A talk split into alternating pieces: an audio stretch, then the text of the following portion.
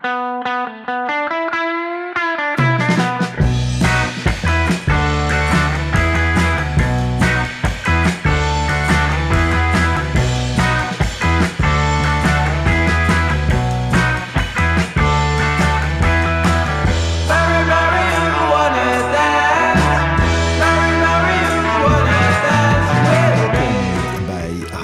Podcast Live at High Times. De tweede van vier afleveringen die we met publiek opnemen in een van de oudste en mooiste coffeeshops van Eindhoven, de High Times.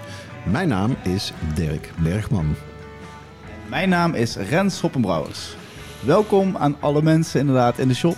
Fijn dat jullie er zijn, gezellig. En welkom aan onze gast, cannabisliefhebber en buitenkweker Guido. Bekend van zijn artikelen op CNN, cnnbs.nl en cannabisindustrie.nl. Welkom in de High Tea Podcast, Guido. Hallo. Onze vaste luisteraars die, eh, die weten wel dat wij jou al een hele tijd eh, op onze verlanglijst hebben staan eh, om eindelijk eens aan te schuiven eh, in onze podcast. Dus eh, tof dat het eh, nu zover is gekomen en dat je daarvoor eh, naar de Hightime bent gekomen. We gaan het straks eh, uitgebreid hebben natuurlijk over buitenkweken, over de keuze voor auto, gefeminiseerde of traditionele zaden, eh, verduisteren, oftewel light deprivation. De beste manier om je wiet te knippen en te drogen. En ook over het zelf maken van nieuwe kruisingen. Maar eerst bespreken we het belangrijkste cannabisnieuws uit binnen- en buitenland. Er is helaas slecht nieuws uit Nijmegen, waar Plantarium na bijna 30 jaar gaat sluiten. En we praten hierbij over de laatste stand van zaken rond de wietproef en de legalisering in Duitsland. Meer nieuws. Er komen voorlopig toch geen cannabiscafés in Californië. In Colorado is sinds 2014 voor ruim 15 miljard dollar aan legale cannabis verkocht. En Ohio gaat stemmen, of is eigenlijk aan het stemmen over een legaliseringswet. Natuurlijk kun je ook luisteren naar onze vaste rubrieken. Wat zit er in je joint vandaag? De oude doos en reacties van luisteraars. We schrappen het kweekhoekje, omdat kweek al ruim aan bod komt. Maar we, we, we, we hanteren vandaag weer een leuke quiz. Wie het weet, mag het zeggen. Dit is High Tea met Dirk en Rens, aflevering 81, live at High Times.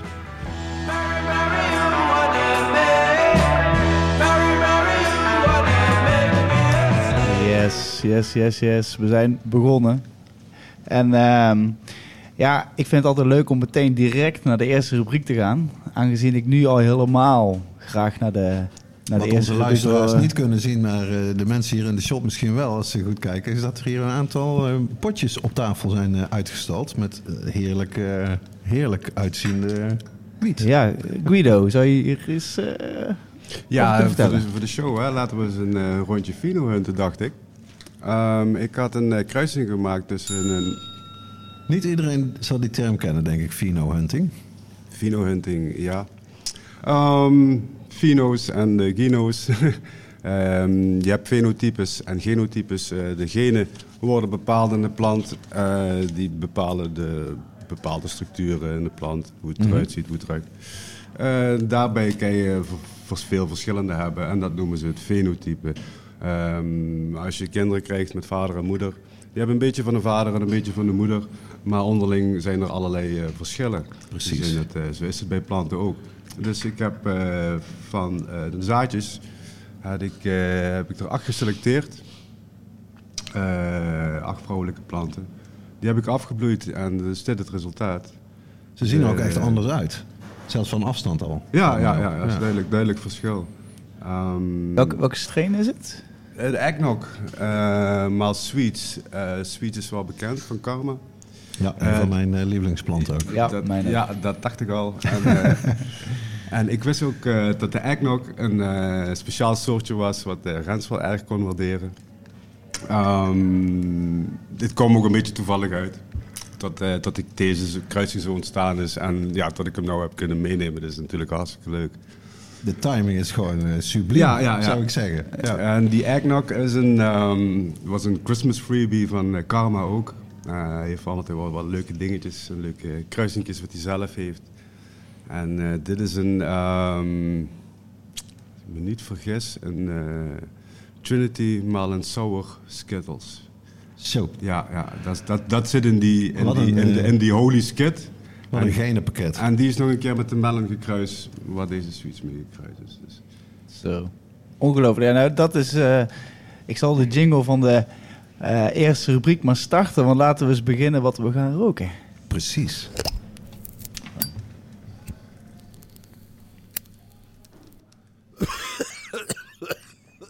Wat zit er in jouw joint vandaag? Ja, en dat is natuurlijk eh, Ja, deze keer eh, keer heel Sowieso. interessant. Ja, nou, maar ze Maar hebben ook allemaal fino's. Dus ik denk dat we... Heb jij zelf al een favoriet of heb je ze zelf ook nog nauwelijks? eh? Ja, je moet altijd kijken waar het potje het meest leeg is, hè?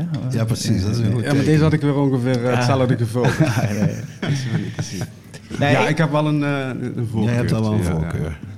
Het is eh, altijd lastig om te beginnen, maar ik denk dat het leuk is, Dirk, als jij gewoon eens inderdaad een aantal potjes ruikt en eens al eens beschrijft wat je, wat je ruikt. Nou ja, voor mij springt eigenlijk die 10 er meteen uit. De nummer 10. Je gaat natuurlijk ook die eerste looks. Hoe ziet het eruit? Je pakt het potje en dan ga je erin ruiken. Ja, en maar dan- ook dat, is, ook dat zit eigenlijk bij die 10 meteen heel erg goed. Mhm. Ik denk dat 10 is mijn soort eh, instinctieve winnaar al. Een beetje dat crèmige, dat crèmige aroma. Ah, eh, ik, ik ben wel persoonlijk van mening, wiet moet je niet naar kijken, wiet moet je roken. Ja, Dus als het, een, als het voor je persoonlijke stash is, dan is looks vaak toch wel minder Ja, klopt ja. belangrijk, Ja. lijkt mij. ja. Maar ik- voor mij zou het meer... eh, Kijk, ik, ik vind als het een, eh, een beetje lelijk is, ma- kan het nog ontzettend lekker smaken, weet je wel. Dus, eh, Dat lijkt mij een, eh, ja, een, een wet van mede en persen, zou ik precies. bijna zeggen. Dus, maar waar begin je mee? Dat is inderdaad het kijken en het ruiken. En eh, ja, uiteindelijk ga je het oproken. Dus daar is het voor. En dat, eh, laten we dat gaan doen. ja, dat is wel echt... eh, Ik, ga, ik ga gewoon voor die nummer 10. ik vind deze inderdaad, deze is wat... Die zet ik vast hier neer. Er zijn er inderdaad, daar hou je eigenlijk ruik je duidelijk die sweets in de voren. Dat merk ik met roken. Ja, ik denk dat het met die nummer 10 ook aan de hand ja, is. ja. Maar ja, kijk, die sweets heeft natuurlijk ook een heel typische eh, zoetige geur, Ja. zeg maar. Dus eh Die zes, spannend. de 6 ziet er ook heel mooi uit, moet ik zeggen. Maar eh, voordat we al te lang bezig zijn met Ja. de Fino Hunt, stel ik, Ik voor ga voor dat, we- zes. dat Ik ben- we vast... Jij gaat voor nummer Ik 6. ga voor de nummer 6. Ik ben heel benieuwd. Ik zet hem even... En Guido, weet je al, wist jij al van tevoren welke je wil gaan roken of niet? Nee, ik ga gewoon het rijtje af. Heel Oké. netjes. Oké, dus Rens pakt de nummer 6, ik pak de nummer 10 en jij pakt dan de nummer, Eh, twee. de nummer 2. Ja. Dan gaan we naar het nieuws. Ja, laten we beginnen met nieuws.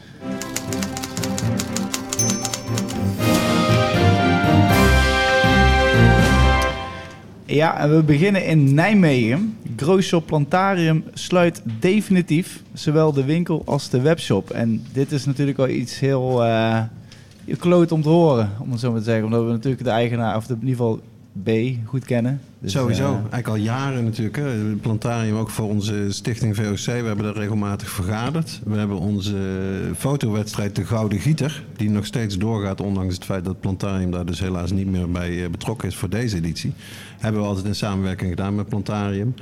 Veel nieuws geweest natuurlijk. eh, met de growshop, rond de growshop werd dus heel hun voorraad eh, destijds in beslag genomen. En dat is een langdurige rechtsgang geworden die ze uiteindelijk met vlag en wimpel hebben gewonnen. Dus toen konden ze gewoon doorgaan. Dat heeft ook veel betekend voor de growshops. Ja, Nederland. zeker. Ja. Want zij maakte natuurlijk heel duidelijk dat punt. Dat is ook zo. Die growshop De kleine kweker. Die, die gaat niet over kleine kwekers die het gedoogde aantal planten kweken. Die winkels, als je alleen als dat jouw cliëntel is, mag je gewoon bestaan als growshop.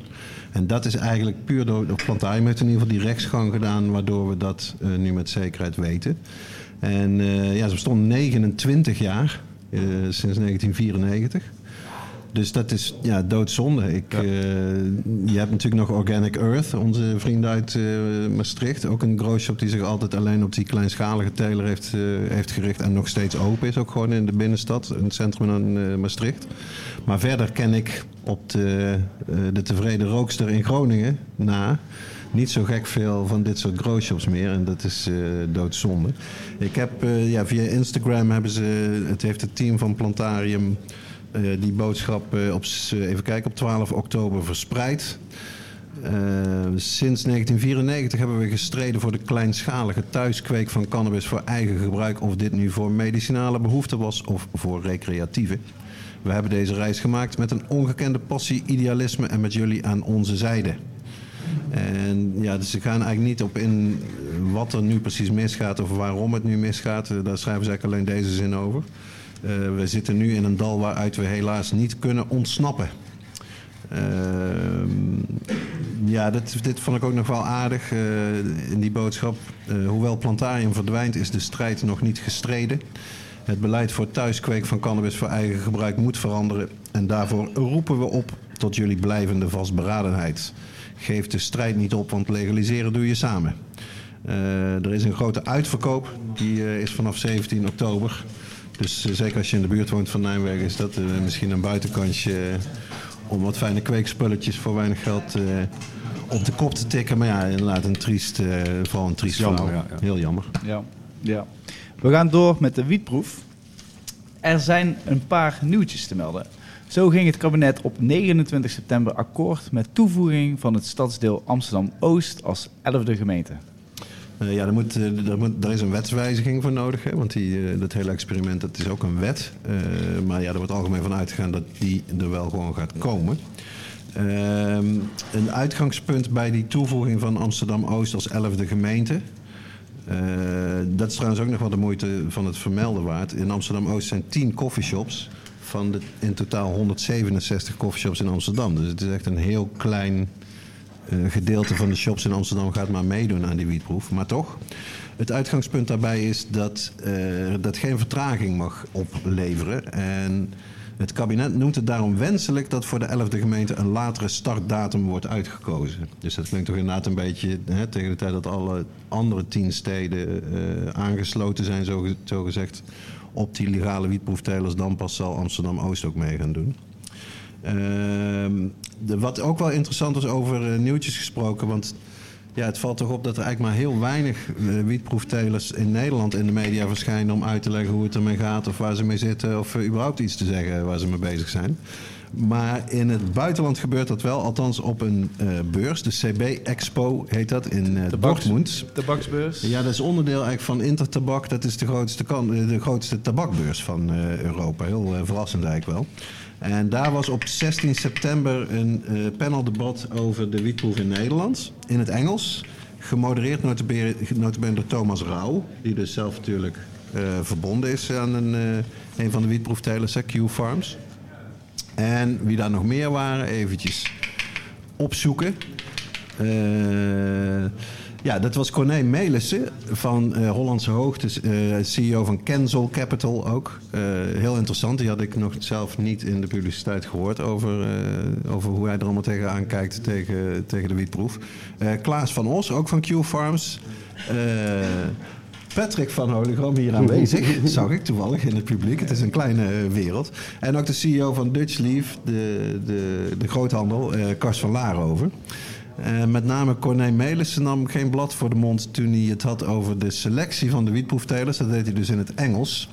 Eh, ik heb dat citaat even opgeschreven, want ik vond het best wel opmerkelijk. Hij zei dus bij dat paneldebat over de wietproef...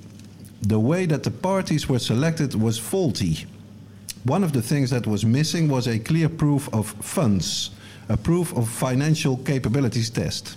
So there are at least four, maybe five out of the ten licensees who are undercapitalized, are grappling with their capital structure, which leads to huge delays in construction.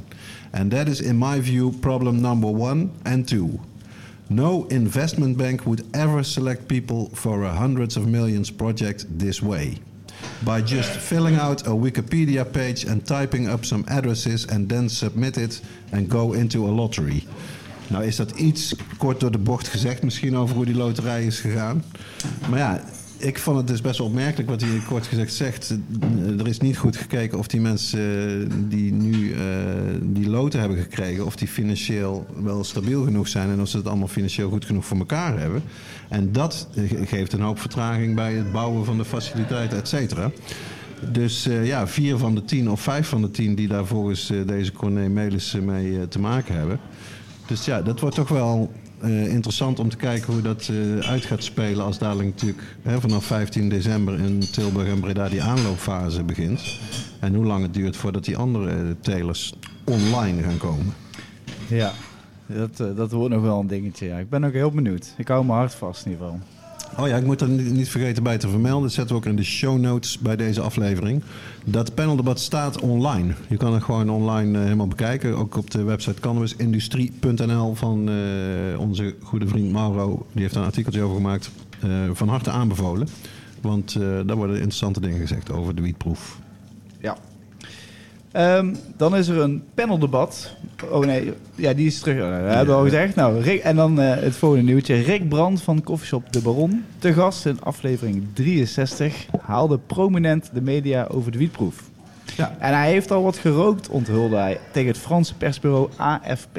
Ja, eerst stond hij met twee bladzijden in eh, het Algemeen Dagblad eh, en de regionale kranten die daarbij eh, horen. Heel enthousiast, zoals we hem eigenlijk ook kennen eigenlijk over de wietproef. Hè? Eindelijk schone wiet voor mijn klanten. Maar hij is ook geïnterviewd kort daarna door, inderdaad door AFP. En in dat artikel, ik heb het er even bij gepakt. eh, the legal producer has this type and this one, he said. Dat is dus Rick. Pointing to products named Runs and Wedding Cake. I've tasted it. It was great. Dus ja, in ieder geval weten we dat die twee soortjes er dus aan gaan komen voor, eh, voor de wietproef. dadelijk vanaf 15 december Wedding Cake and Runs. En eh, nou Rick die was in ieder geval eh, tevreden over het resultaat. Dus dat vond ik wel opmerkelijk. Voor zover ik weet is dat de allereerste keer dat er zeg maar, namen zijn genoemd van de wietsoortjes die in de wietproef verkocht gaan worden. eh, dat die openbaar zijn gemaakt. Dus ja, een primeurtje voor AFP. Een laatste binnenlands nieuwtje. De nominaties voor de Cannabis Industrie Awards is begonnen.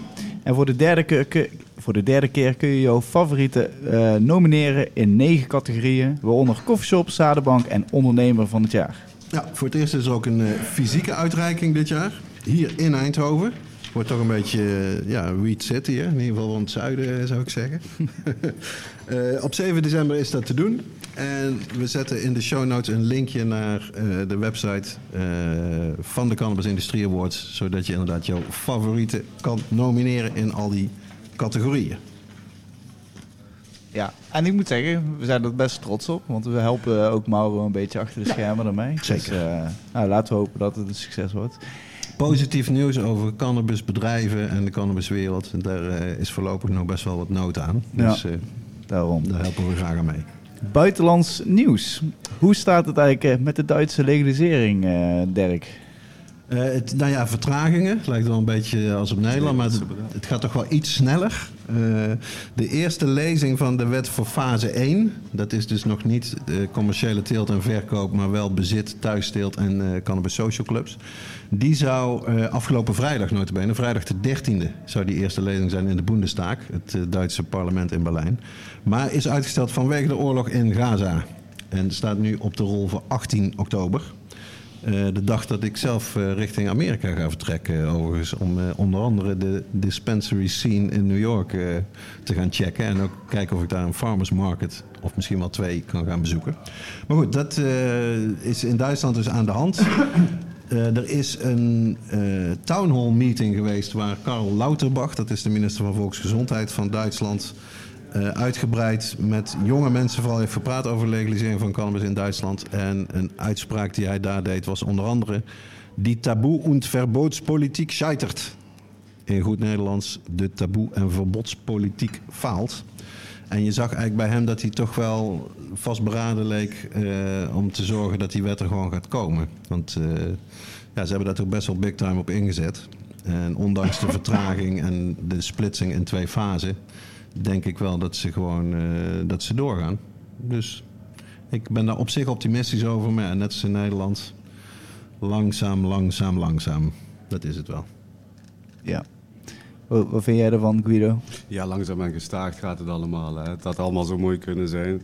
Maar een voordeel wel bij de Duitsers, eh, ook hoe ze het doen. Ehm, de thuisteelt nemen ze wel mee. Ja, En daar het- beginnen ze eigenlijk mee. Ja, en het hele... ge- Het is wel drie planten en 50 gram, meer niet of zoiets. Maar 25 zelfs. 25 gram, oké. ja, ja, dus je moet echt wel Maar dat is, de- dat is het idee ook van die lezing in de Bundestag. Eh, daar kunnen de leden van het parlement dus kritiek leveren, amendementen noemen, wijzigingen. Zodat dit soort dingen ook wat logischer zijn. Want op dit moment is het inderdaad zo, je mag drie planten dan hebben. Maar alles boven de 25 gram wat je eraf haalt, zou je dan in de kliko eh, moeten gooien, Ja. zeg maar.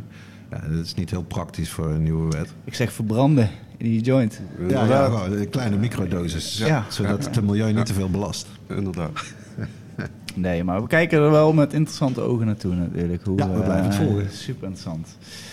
Ja, en dan gaan we nog even naar onze aflevering 80 met Flying Genetics. Daar bespraken we een wet om in Californië Amsterdam-style cannabis cafés toe te staan. En, en daar is ook weer nieuws over te melden. Dirk. Ja, klopt. Die had dus een meerderheid gekregen in beide huizen van eh, het bestuur daar eh, in Californië. Maar op 9 oktober heeft de gouverneur, Gavin Newsom, heet die man, zijn veto erover uitgesproken. Ja, het had zo mooi kunnen zijn. Eh, net wat je zegt, Guido, dat gold ook in dit geval. Wat wel weer interessant is, ik heb het eventjes uitgezocht. Die, die, die gouverneur is wel een democraat. En de reden waarom hij zijn veto heeft uitgesproken over die bill... is dat hij zegt... daarmee gaan we onze gouden standaard die we hebben als Californië... voor een rookvrije werkplek, die komt daarmee in gevaar. Als je dit toestaat. Want het kwam er inderdaad op neer dat dispensaries ter plekke dan... eh, ook gewoon koffie mogen verkopen, eten mogen verkopen, eh, live muziek mogen doen. Dat soort expliciet ook genoemd in het wetsvoorstel. Dus dat had echt heel mooi kunnen zijn.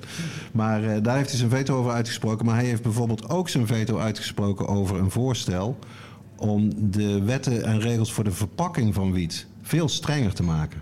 Zodat er bijvoorbeeld geen cartoon characters meer gebruikt mochten worden in de marketing. Daar heeft hij ook zijn veto over uitgesproken. Dus het is niet heel die man is niet anti-wiet, zeg maar. Maar ja, hij, heeft het, eh, hij kan dus zijn veto uitspreken. En dat is eigenlijk heel raar, omdat hij in beide huizen had dit wetsvoorstel echt een flink, flinke meerderheid. Dat, ze wilden echt dat ze dit kunnen gaan doen in Californië. En dan is het toch die ene gouverneur, één man die dat eh, tegen kan houden. En eh, God damn. dat is gebeurd. Ja, Ja, dus nou ja, voorlopig blijven de Nederlandse coffeeshops. En zoals wij hier met z'n allen bij elkaar zitten. met een jointje en iets te drinken daarbij en te eten daarbij. blijven we toch eh, uniek in de wereld. Ja, serieus. Nieuws uit Colorado. De eerste staat die recreatieve cannabis legaliseerde in 2014. Ja, en sindsdien, dat is dus minder dan tien jaar. Eh, is er daar in die staat voor meer dan 15 miljard dollar aan legale cannabis verkocht. Waarover eh, twee, ruim 2,5 miljard dollar aan belasting is betaald. Dus ja, ik kon het niet nalaten om eh, met het Twitter-account van de stichting VOC daar een tweet aan te melden. En namelijk de getallen eventjes erbij pakkend. Colorado heeft nog geen 6 miljoen inwoners. Nederland heeft ruim 17,5 miljoen inwoners, bijna drie keer zoveel. En eh, ja, zij hebben dus in, sinds 2014 2,5 miljard dollar belasting geïnd op cannabis. Hoeveel belasting hebben wij in Nederland dan sinds 1976 wel niet misgelopen... omdat onze politici er maar niet in slagen om cannabis te legaliseren?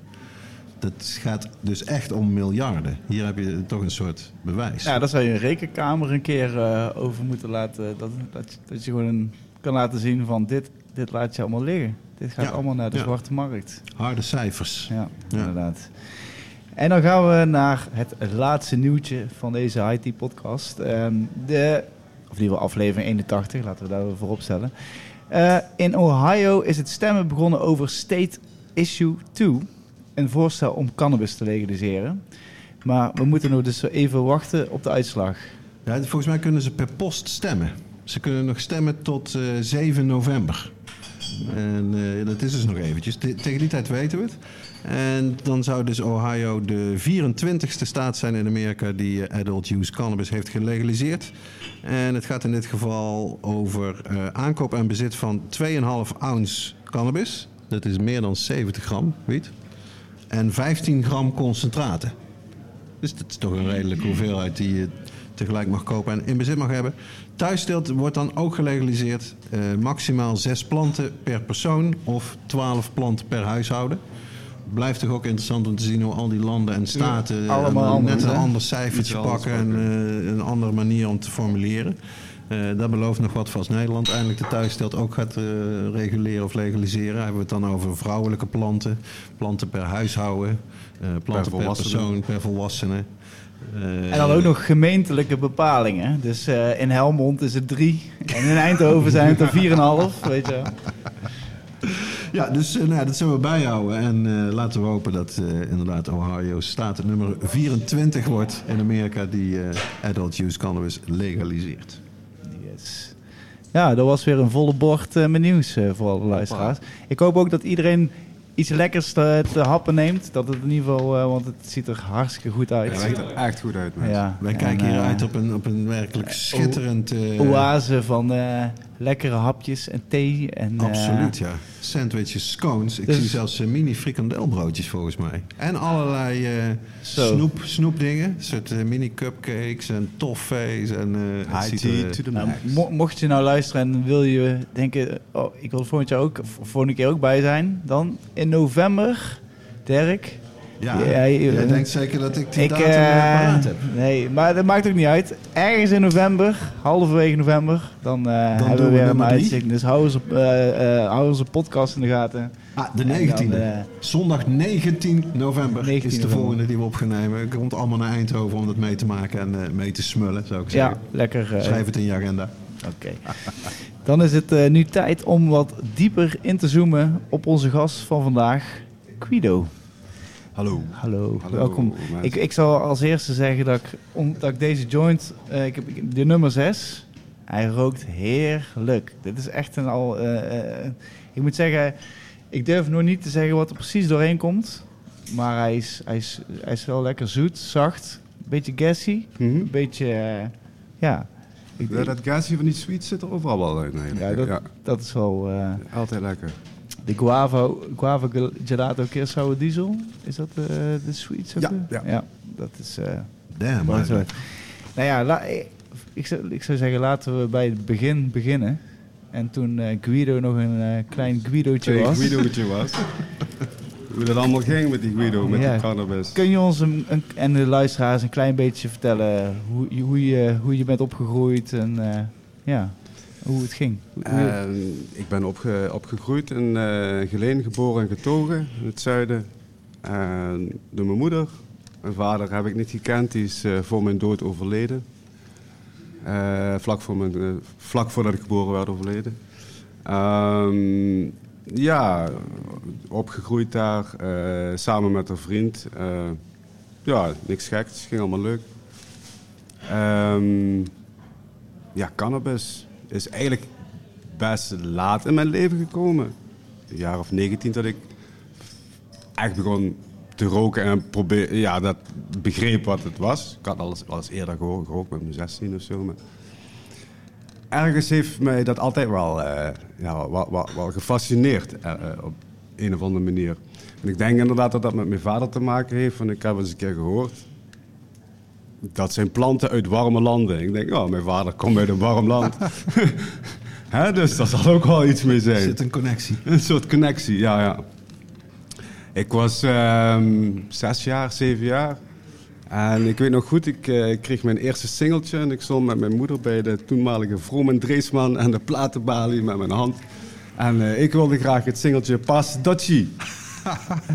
en die, die, nog wel... Voor de jongere luisteraars eh, die het niet kennen, dat was eh, destijds van eh, Musical Youth Musical Ja. Youth inderdaad. En eigenlijk was het een cover, van Pas de Cucci. ja, precies, van Pastor Cucci. De Melodian Studio. Ik- Ja, die moet ik ook eventjes eh schuldig Even- blijven. Maar, Ver voor mijn tijd Ja, ja. in ieder geval.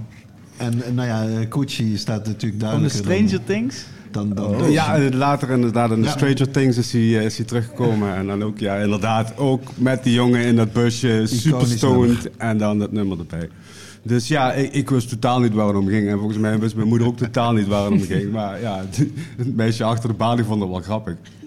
Ehm, Oké, eerder dat ik dat leuk vond en inderdaad eh, kon aanschaffen via mijn moeder als eh, zesjarig mannetje, eh, was dat plaatje natuurlijk al helemaal uit de top 40 gedonderd en dan was er een ander plaatje. Dat was dus de opvolger. Maar op dat B-kantje, daar stond een enorm vet dubnummer op. En ja, ik, ik vond het een heel vreemd nummer, maar wel hartstikke leuk. Maar die muziek kon ik nog niet. En ja, natuurlijk zit dat daar ook, zit dat daar ook in. En ga je daar ook eh, ja, naar op zoek, wat, wat is dat? En op een gegeven moment komen toch wel heel veel dingen, dingen bij elkaar. En inderdaad, wat ik zeg, dat is inderdaad wat, eh, toch wel op latere leeftijd geweest. Ja, want als ik eh, als stoner zeg maar denk aan Geleen, dan denk ik... Genesis. Ja, ja, ja. ja. En was dat dan voor jou ook zeg maar, de eerste keer dat je ging roken? eh, Ging je het daar halen of wa- was je daar? Of eh, zat je in een heel andere scene? Ja, natuurlijk. Het was er bij ons. Hè. We hadden twee coffeeshops bijna vlak naast elkaar. De Club 88 en de Genesis. Ja, oh ja, Club En ja, 88 ook. Ja, Ja, ja, ze zijn er nog allebei steeds. Dus eh, ja, ja, en Genesis is nou flink aan een verbouwing bezig. Dus dat wordt eigenlijk een hele mooie zaak. Ehm, nee, inderdaad, het was er bij ons. Dus ehm, ja, wij gingen met, een, eh, met, met wat vrienden gingen wij naar de schaatsbaan. We hadden een uh. En dat was in het weekend, woensdagmiddag. We hadden afgesproken, er was wat geschaatst. En ja, één iemand had bij Genesis wat gekocht. Of ik dan ook meeging na het schaatsen om wat, wat te roken. Maar ja, bij ons in de familie was eh, drugs was not done. Drinken, dat was gewoon de normaalste zaak van de wereld. Maar drugs, dat was not done. Eh, in die Herkenbaar. tijd, jaren tachtig, eh, had je de, eh, de, in, in Heerlen. het Centraal Station, Maastricht, waar het Junkerpark Heel was. heavy, dus, ja, Ja. dus ja, als je met daarmee bezig was, ja, dan eindigde je ook bij de hashbuiters. zoals mijn oma dat le- letterlijk zei. Dus ik was als de dood ja, bang voor, Ja. voor, voor wiet en hash. Maar goed, ergens ging ik toch mee. Ik denk, ja, als hun gaan, ja, dan dan toch. Ik wil dat dan toch eens proberen, toch nieuwsgierig. Een paar heisjes genomen en ja, eigenlijk deed het mij niks.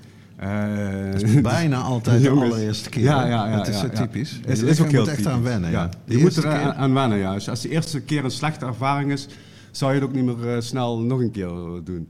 Maar ja, ik voelde niks. En achteraf dacht ik, ja, ik zit strak van de adrenaline en spanning. ja, ik ga nou iets doen waar ik dood van ga. En waar ik, eh, waar ik de rest van mijn leven problemen van ga krijgen. Ik stap het ravijn in.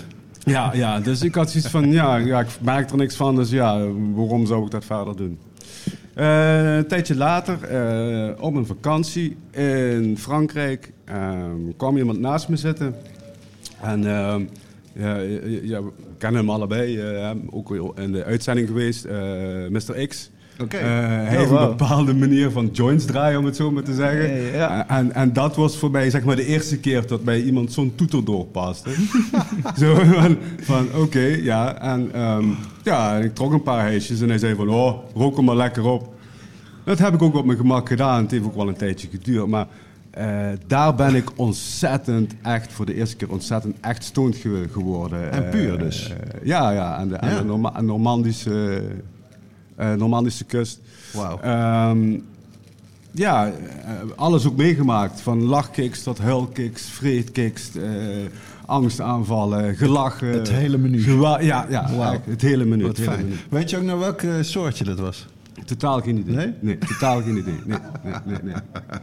Nee, ik wist dat het anders was dan sigaretten roken. En het, het- ja, Misschien als ze Mr. X nog een keer terugkrijgen eh, in de podcast in de toekomst. Nee, het was niet Dat- Mr. X, hè. Nee, dat- maar zo iemand die zo'n joint Ah, draaide. oké, dat- Als, als Ah, metafoor, hè. Ik, nee, maar ik vond dat toevallig dat je Nee, typisch dan nee, hem tegenkomt. nee, en, nee, eh, nee, dat nee. zou heel mooi zijn geweest. Nee, nee, nee, nee. Dat eh, was Maar- nog wel erg jong geweest. Ja, maar hij draaide wel van zulke, eh, van die Ja, stoegies. ja, ja, ja, van. Dat, eh, dat soort type jointjes. eh, ja, zo eentje werd me dus doorgepast. Ehm, ja, en toen had ik wel een experience gehad natuurlijk.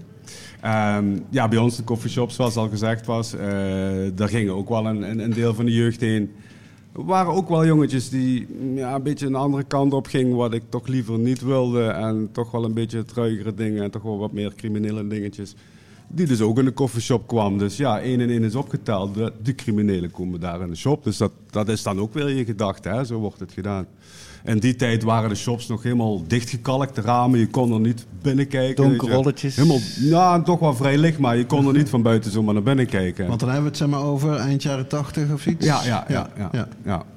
En ehm, ja, ja, 87, 88 zo, ja. ja. En ehm, toen had ik zoiets van, eh, ja, tot, tot die shops dan daar waren en dat dat een beetje spooky was en zo. Dus, dus ik was er zelf een beetje, ja, ik was er niet zo, niet zo van om het zo maar te zeggen. Eh, tot dan inderdaad, eh, ja, dat was dan ietsjes later, zo'n 90, 91, tot ik dan die echte experience had.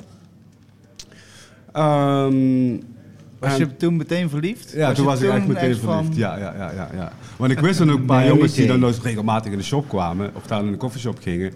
Eh, ik weet ook toen ik thuis ben, dat ik gelijk eh, naar die jongen toegegaan ben. Ik zeg, eh, jij gaat nou met me mee. We gaan naar de koffieshop, want ik wil daar wat kopen en wat roken. Ja. En zo gezegd, zo gedaan. En ja, dan is het helemaal geen donker hol als je er eenmaal binnenkomt. En dan is het gewoon een gezellige boel. En er worden Precies. spelletjes gespeeld en dingen verteld. Eh, ja, Turken naast Marokkanen, mensen van het kamp. Iedereen zat er gewoon bij elkaar en vertelde zijn verhalen en wat hij deed en hoe en wat.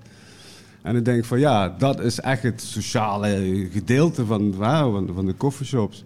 Er lagen broodplanken met, met, met messen lagen op de tafel voor dat je zelf je had of je hasje of ook zelf je wiet kon snijden. Want grinders waren in die tijd niet. Ja, soms van die houten dingetjes met van die spijkertjes ingeslagen. Oh, ja, ja, nog. Ja, ja, ja, Die werkte niet zo goed. Maar, anders werd die, werd, die, werd die wiet gewoon gesneden met keukenmes. Ja, ja, ja, dat moet je, dat kan- je nou niet meer voorstellen. Of met klein schaartje, had je ook wel. Zie Ja. je nou nog steeds wel eens? Wel ja, die ken ja. ik ook wel. Iemand die dat nog steeds ja, doet. ja, Dus, ga verder, eh, sorry. dus ja, zodoende. En eh, dat, dat is eigenlijk zeg maar, ook de tijd dat ik, eh, dat ik regelmatig ging roken. hè, zo vrijwel dagelijks. hè.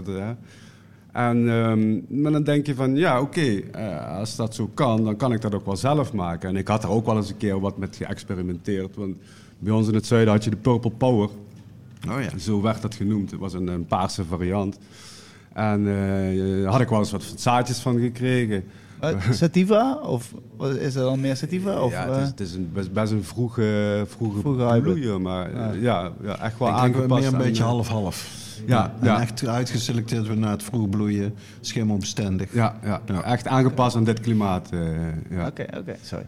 En ehm, ja, dat soort dingen waren er toen in omloop. Maar eh, toen kwam ook het, eh, het, het binnenkweken. Was toen natuurlijk ook op. En ja, als je daar met je paarse wietje aankwam, dan werd je natuurlijk uitgelachen. Want dat was allemaal hippie shit. Want dan had je de coffeeshop, daar had je de top 44 en eh, de skunk en dat soort soortjes. Northern ja. Ja, en, en, en de, ook de Hees. En dat waren natuurlijk de soortjes. Hè. Dus, ja, en, en daar werd je natuurlijk in geïnteresseerd. Hoe ging dat en hoe was dat? En Oké, ja, dat kun je ook zelf maken. Ja, hoe kun je dat? Ja, buiten ging dat niet, maar binnen wel. En ja, dan ga je daar toch gaandeweg ga je daarmee experimenteren.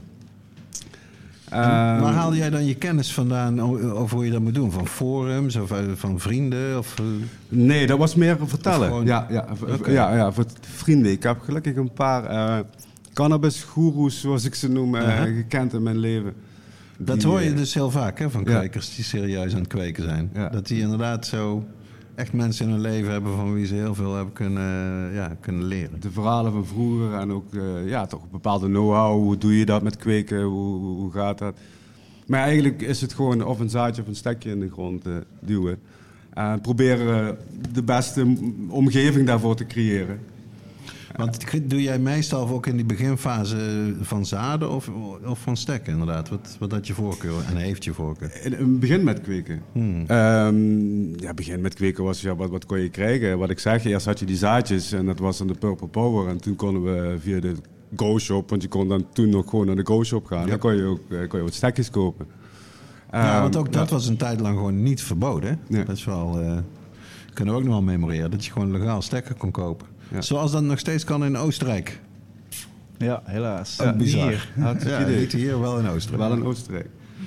Dus eh, we hadden een keer op een zomer... ehm, eh, mijn, vriendin was net verhuisd. Met, die woonde toen nog thuis. En haar moeder was toen eh, pas verhuisd.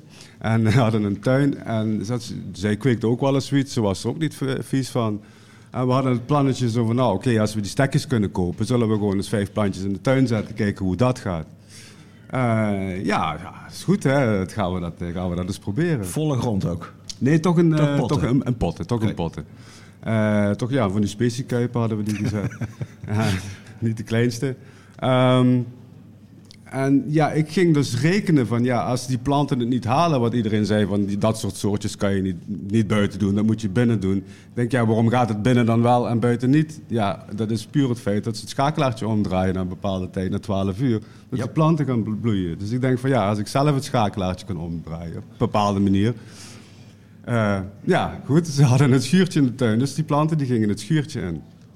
En eh, de 21 juni, ik weet het nog heel goed, hè, de, had ik, eh, had ik die planten verduisterd. En ja, in september was dat klaar. Dat, dat was gewoon ongelooflijk. Dat waren Wauw. buds van een vuistdiep, eh, een vuistdik. Dat, we hadden allemaal zoiets van, ja, dat, dat kan niet. Maar 21 juni, dat is ook wel vroeg, toch? niet? Eh, Met verduisteren, hè? Ja. Ja, ja, ja, Ja. ja. En, maar ze waren al wel fors genoeg, zeg We hadden wel om, fors eh, genoeg ja, wel. Ja, ja, toch wel ongeveer een, eh, iets meer dan een halve meter. Maar ja, dat het klaar is, eh, strijken ze ook nog wel wat. Dus dat waren Ja. flinke planten. Ik moet zeggen, Weet je nog welke planten dat waren?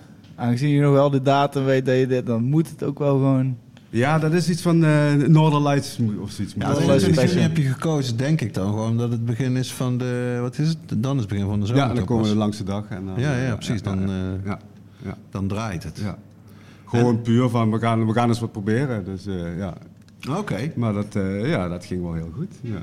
Want het is niet zo dat jij... eh, ja, wij, wij zijn in- in mindere mate eh, de internetgeneratie, kan je zeggen. Het is niet als je zoiets bedenkt dat je meteen op internet gaat kijken... op welke datum is het beste geschikt om dat te doen. Je gaat gewoon zelf... Nee, toen was er echt nog geen internet. wat Nee, ja, precies. Ja. Ik denk dat misschien wel al, al de forums kwamen. Hmm.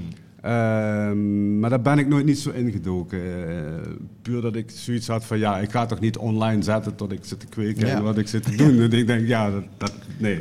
Ja, ik heb bewijsmateriaal aan het eh, Ja, dat is natuurlijk wel een ding. Als ik het achteraf hoor, denk ik van wow, daar is toch best wel heel wat eh, kennis en voorkennis in omgegaan. Eh, misschien en toch nog wel steeds, wat gemist. Ja, ja, ja. We hadden het net al even over het forum IC Mac. Dat Ja. is al heel lang en eh, ja, daar hoor ik altijd ook goede dingen over. En, en hele goede kwekers zitten er gewoon nog steeds op. En posten ook nog best wel veel Ja, eh, shit ja, daar. Ja, het Maar- viel me dus ook op inderdaad dat bijvoorbeeld Karma Genetics is daar gewoon nog dagelijks Ja, actief. weet je, om mensen van alles uit te leggen. En eh, je, hij, je ziet ook echt dat hij het leuk vindt om mensen dingen uit te leggen. Weet je, en hij doet het heel gedetailleerd en zo. Dus ik had eerlijk gezegd niet, wist niet dat hij nu nog, dus, want hij heeft wel verteld dat hij daar vroeger natuurlijk veel eh, actief op was. Maar dat hij daar eh, nog heel actief is. Wel grappig en eh, heel interessant om mee te lezen. Maar goed, ik, eh, ik, ik, eh, ik breek weer in. dat mag. Nee. Nee, dus eigenlijk ja, gewoon, gewoon eh, aankloten, om het zo maar te zeggen. Gewoon uitproberen. En, eh, Wat, en- wat en dacht je toen, toen je die eerste keer had verduisterd, zeg maar van wauw, eh, ik, ik ga nooit meer terug. Dit is hoe ik het altijd ga doen. Of hoe ging dat daarna? Hoe ging dat daarna? Eh, daarna hadden we even, eventjes geen tuin, omdat we eh, samen gingen wonen en een appartementje hadden. Ehm, maar ja, goed, dan ga je ook weer creatief worden. Hè? Van, ja, hoe, hoe is dit, hoe is dat? En je zag wel eens van die wietkrokken binnen. Klein maar fijn.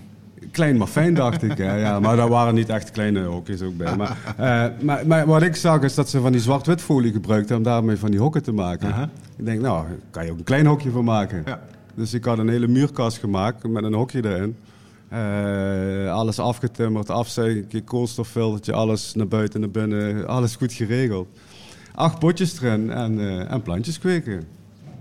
En ehm, ja, de eerste keer eh, toen, toen ik daarmee beginnen, ging mee beginnen, zei ze ook van ja, de eerste keer, ja, het zal wel een beetje met vallen en opstaan zijn. Moet je niet uitkijken dat het de eerste keer niet zo goed lukt. Maar eh, de eerste keer was gewoon echt perfect uitgelegen. eh, Helemaal niks ge- vallen. Gepakt. Nee, dat was gewoon, dat was Gewoon gewoon knal. blijven Dat staan. goed. Dus er was een klein, eh, klein hokje, klein kastje van nog geen vierkante meter. En eh, ja, Guido, een kastje. Ja, dat zou een ander merk kunnen zijn. Oh, die, waren, die waren dat toen nog niet. Dus eh, ja. Wel ook leuk ook dat, dat je ook van je vrouw bijvoorbeeld dit ook wel gewoon mag doen. Ik, bedoel, ik ken veel situaties eh, dat sommige Mhm. Vrienden of mannen niet eens een joint eh, mogen roken. Ja, precies. Maar ook zij is niet over- overal alles beneden. Maar ja, gelukkig kan je goed praten, een beetje water bij de wijn doen. Ja, weet je, dat is een relatie, dus geven en nemen, toch? Ja, Zo ja, is ja, het. Ja, ja. En ook Ja. mooi dat je dan, het is ook gewoon echt een hobby, toch? Het, is op een gegeven moment, op een gegeven moment echt een hobby. Het is mijn hobby, het is mijn ding. Ik krijg er heel veel voor terug. Eh, ja, ja, en dat weet zij ook. Ja, ja. En, en zo heeft zij ook haar dingen waar ik misschien niet zoveel van begrijp, maar ja, leven, en laten Ja, leven, nee, toch? dat is zeer, Ja, zeer ja. mooi om te Ja. horen. Dus ja, eh, wat dingetjes binnen gedaan, niet echt spectaculair, maar eigenlijk puur voor mijn eigen kweek, voor mijn eigen gebruik. Want daar heb ik gewoon altijd voor gekweekt. Ja. Mhm. Ehm, eh, toen gingen we verhuizen. Eh, kregen we een huis met een tuin. Ja, dan wordt het al wat mooier, wat, Yep. wat fijner. Gaan we wat meer uitproberen, eh, uitbreiden en proberen. Ehm, ja, ook rond die tijd eh, ben ik nog voor de laatste keer in Suriname geweest.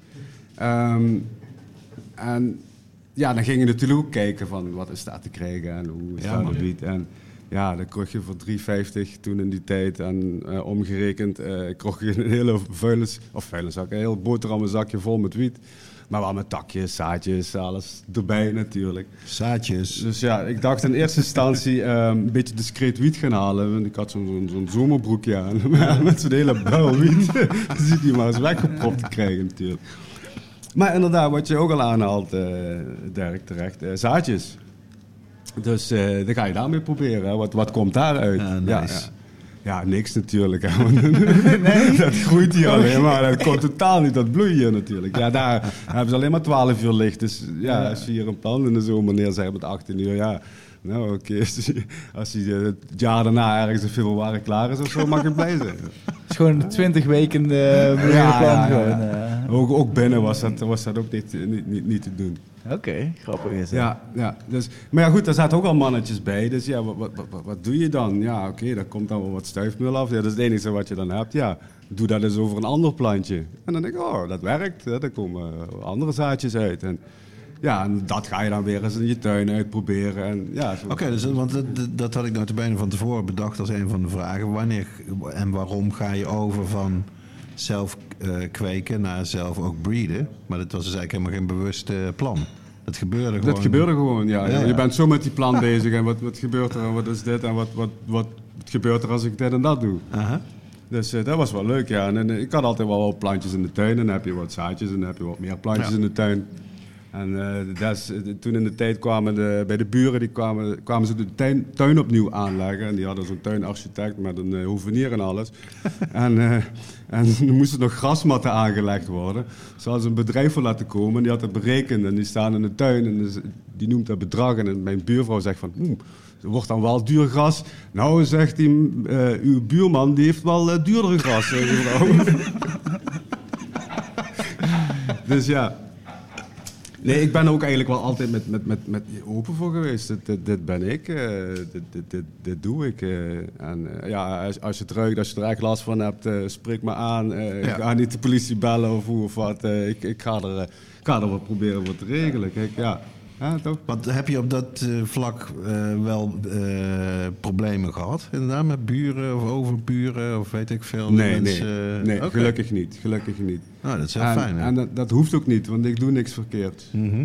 Ik doe toch niks wat, wat niet mag. Of, ja, dat hebben ze dan opgeschreven. Maar ik, voor mijzelf doe ik ni- niet iets verkeerds. En, eh, Je enigste, kweekt een plant, ja. ja, en het Ja. enigste waar iemand eens last van kan hebben, is dat die plant stinkt, zoals ze zeggen. Nou, ik vind het lekker ruiken, maar mijn buurman naast me, die doet wel eens zijn land bemesten. Nou, dat stinkt. Ja, inderdaad. ja. En dan zeggen ze, oh, hij is weer bezig. Ja, ja. Maar ja, goed. Ja, dat klopt. Ja, ja en, maar, maar gelukkig heb ik ook wel buren die, eh, als ze het ruiken, ook wel denken van, ah, hij is weer bezig. Ja. En, en eh, ik denk ook dat hun wel de- zien dat ik daar heel veel benefits bij heb en eh, heel veel profijt van, eh, van heb. Eén buurman was een beetje sceptisch, die was een beetje bang en hoe en wat. Totdat een keer de dag eh, zijn opmerking, oh, op het begin moment we hadden het erover, en dan zei hij van, ja, als je het maar niet verkoopt aan mijn kinderen.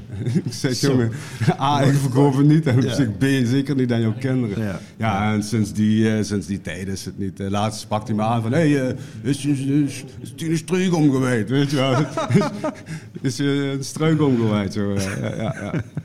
ja, dat wil wel eens gebeuren als het stormt natuurlijk. Dat is het lot van de buitenkweker. Ja, precies. Maar dat, dat eh, vroeg ik me af, eh, Guido. Ehm, vind jij het leuker om buiten te kweken dan binnen te kweken? Of vind je het alle twee even leuk? Eh, hoe sta je daarin? Het is allebei even leuk. Alleen, ja, ja, ja, alleen ehm, rond binnenkweken hangt nog altijd iets. Stigma, eh, brand, gevaarlijk, noem maar op allemaal.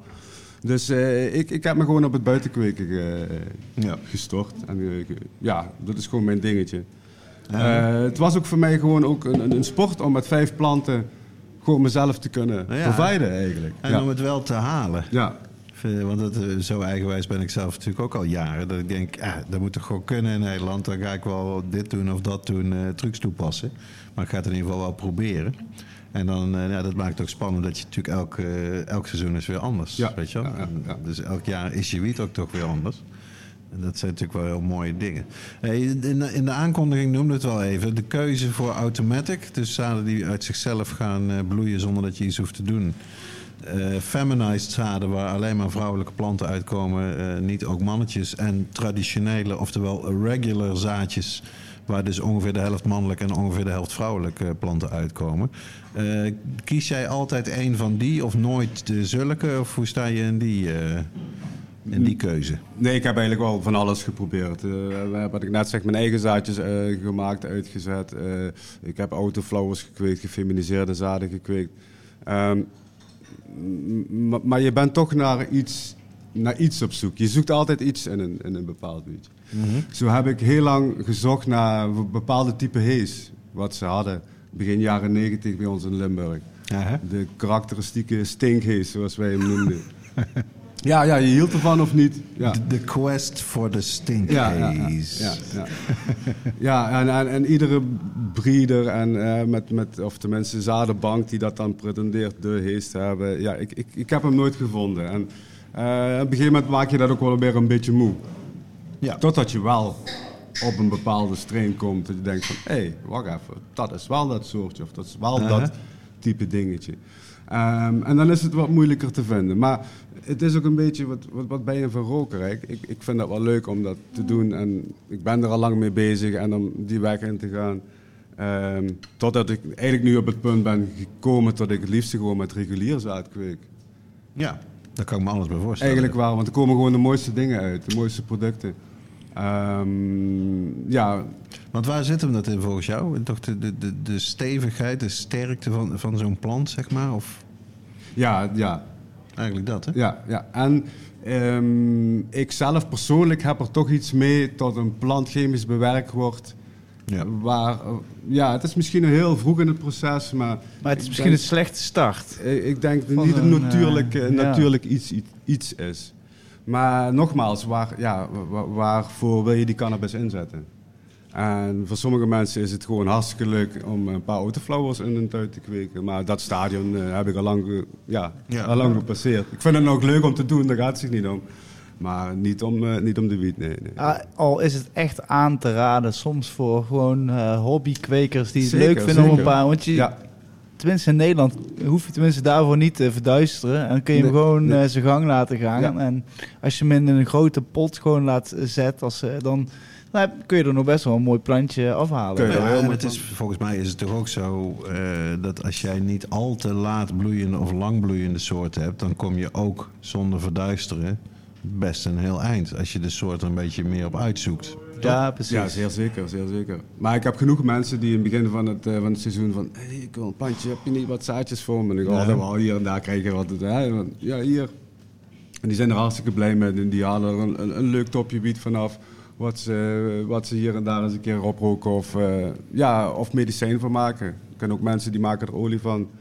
En zeker Ja, met, de, met de huidige ehm ehm, autoflowers, ja, er zijn toch wel heel wat eh, potente soorten bij. Waar Ja. toch wel... eh, Nou ja, wat Flying Genetics zei in onze vorige, in aflevering 80, dat als je wat vroeger oogst, uit angst voor eh, alle ellende, schimmel, et cetera, dat je daar prima hash van kan maken bijvoorbeeld. Ja, vond ik ook een interessante tip. Want het is toch een nadeel eigenlijk als je naar jouw idee die, die wiet te vroeg moet oogsten. Als hij echt nog niet op zijn piek is. Eh, maar dat is ja, voor hash blijkbaar eh, veel minder. Ja, de terpenen zijn dan nog niet zoveel vervlogen eigenlijk. Hè? Die Ja. zijn nog een stuk verser, een stuk meer aanwezig. Ja, dus ik zeg, red je buitenplant, maak er hash van. Nou ja, en denk toch na over eh, verduisteren. Ja. Bedoel, Nou, vanuit jouw ervaring, toen jij dat voor de eerste keer bent gaan doen, dat zag je wel het resultaat van, eh, of in ieder geval van, van het jaar daarvoor, verschil. absoluut. Ja, Ja. dat je echt je planten echt volwaardig goed kan afbloeien. Mhm. En, eh, en anders is het altijd te nat en eh, is het te laat. En, eh, ja. Ja. dus ehm, Maar ja, je moet de ruimte ervoor hebben. Je moet daar de ruimte ervoor hebben. En eh, ja, het, is, het werkt toch, en het werkt toch wel... eh, ja, dat je er toch aan moet houden. Het is toch een schemaatje waar je... Ja, Maar je- dat wel. Maar uiteindelijk, je, bent op een gegeven moment zoveel gaan kruisen. Kwam op een gegeven moment ook een soortje waar je toen op een gegeven moment ook echt waar je van versteld stond dat je deze smaak had eh, kunnen Nee, dit, dit is leuk. Maar ja, misschien is het ook wel... eh, eigenlijk is het, als je fire met fire kruist, komt er zeker fire uit. Dus zo moeilijk is het eigenlijk helemaal niet. Nee, nee. Ja, nee, dit is, ja, alle credits to Karma Genetics, want het zijn gewoon het zijn soortjes. Ja, en, ja, daar zat één een mannetje bij en ja, die heb ik bestoven met wat andere plantjes. Dus meer heb ik eigenlijk, eh, ja, heb ik niet gedaan eigenlijk. Het alle werk eh, doet iemand zoals Karma, die maakt de soortjes, snap je? Ja, ik ja. vind het leuk om daarmee bezig te zijn, om, om, om zoiets te doen. Over hash maken, ook leuk, vind ik ook leuk om te doen. Ehm, ik heb een van de eerste, ik heb er laatst nog met de dochter van Mila over gelachen, een van de eerste pollinators. Hm? Nou, ja, ja, ook een keer gekregen, tweedehands, weet je wel. Hier mag je hebben, weet je hoe dat gaat zo. Dat was echt zo'n zo'n zo'n droogtrommel van bijna 1 kubieke meter. met zo'n met zo'n plexiglazen pl- Je moest je wasmachine eh, moest je eruit halen. Ja, inderdaad. Want haar idee was gebaseerd op de wasmachine. Hè? En eh, dat was gewoon een wasmachine. Dat, dat was het ook. Ja, zo is ze erop gekomen. Ja, ja, ja. Maar ja, goed, als je het ding een kwartiertje aan had. Ik had het op zolder staan. Als je het ding een kwartiertje aan had, dan zag je niks meer op zolder. Dat was één grote stuifwolk. dus, ja, dus een zeil eroverheen. Dus, ja, oké. Maar ja, goed, later ga je evalueren. Ga je ja. zo'n nieuw ding kopen. En dan komen er wel bubbelzakken komen er op de markt. Ja, ga je dat wel uitproberen. Isolator. Vroeger hebben we nog de BHO gehad. Dat we eh, gasflessen gingen inkopen. Ja, moeten jullie met zoveel gasflessen? Ja, we zijn een modelbouwvereniging en we maken autootjes op afstandsbediening. Die lopen nou op gas. Dat is een project wat we gedaan hebben met de technische school. Vertel toch even voor de mensen die niet eh, zelf eh, hash maken, eh, dat BHO-tijdperk. ja, ja, ja, levensgevaarlijk, levensgevaarlijk. Er kwamen een beetje van die YouTube-dingetjes en dan kwam dat allemaal op. En, Het was een beetje een hype, hè? ja, een beetje een hype. En een paar kameraden van mij hadden zo'n buis in elkaar gefispernuld. Ik heb hem nu nog zelf.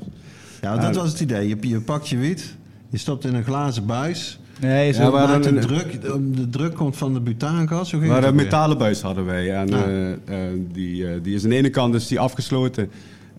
of kun je hem afsluiten. En aan de andere kant is die, zit er een, een, een, een, zeg maar een zeefje in. Mhm.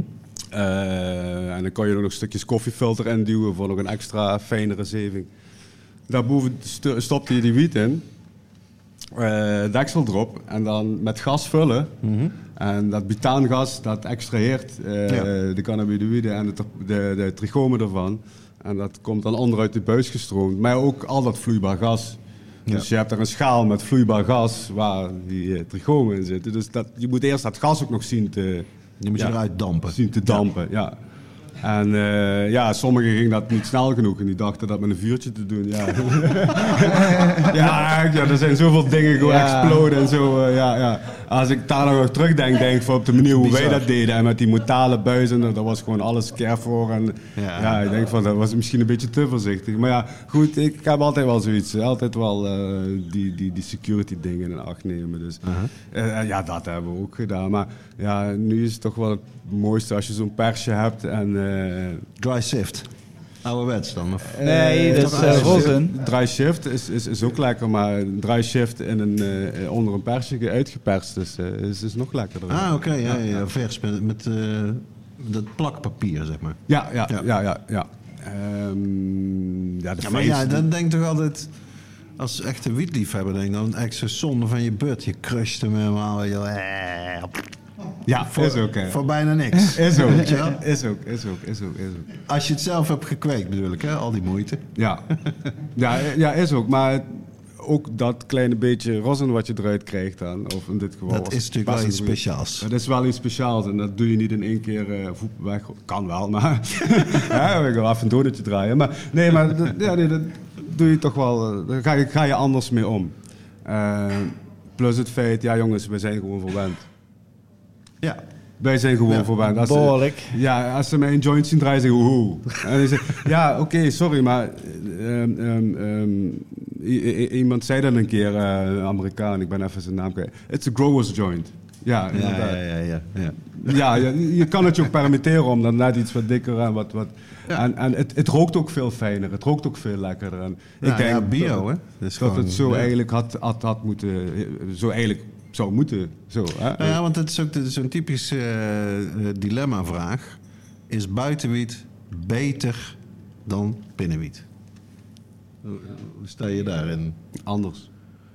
Ja, dat is... ja, ja, ja, wat is ja, beter ja, als dat ja. mens, beter als dat mens. Ja, Eh, Nou, ja, anders, mensen, er zullen mensen zijn die, die, die de buitenwiet mensen zullen zeggen. Het is veel natuurlijker, het eh, wordt niet opgejaagd, het heeft de natuurlijke zon, het, heeft de, het is door de maan beschenen, weet je wel. Ja, klopt. Klopt, daar ben ik het helemaal mee eens. Ik heb mijn wiet liever van indoor en mijn Mhm. hash van outdoor.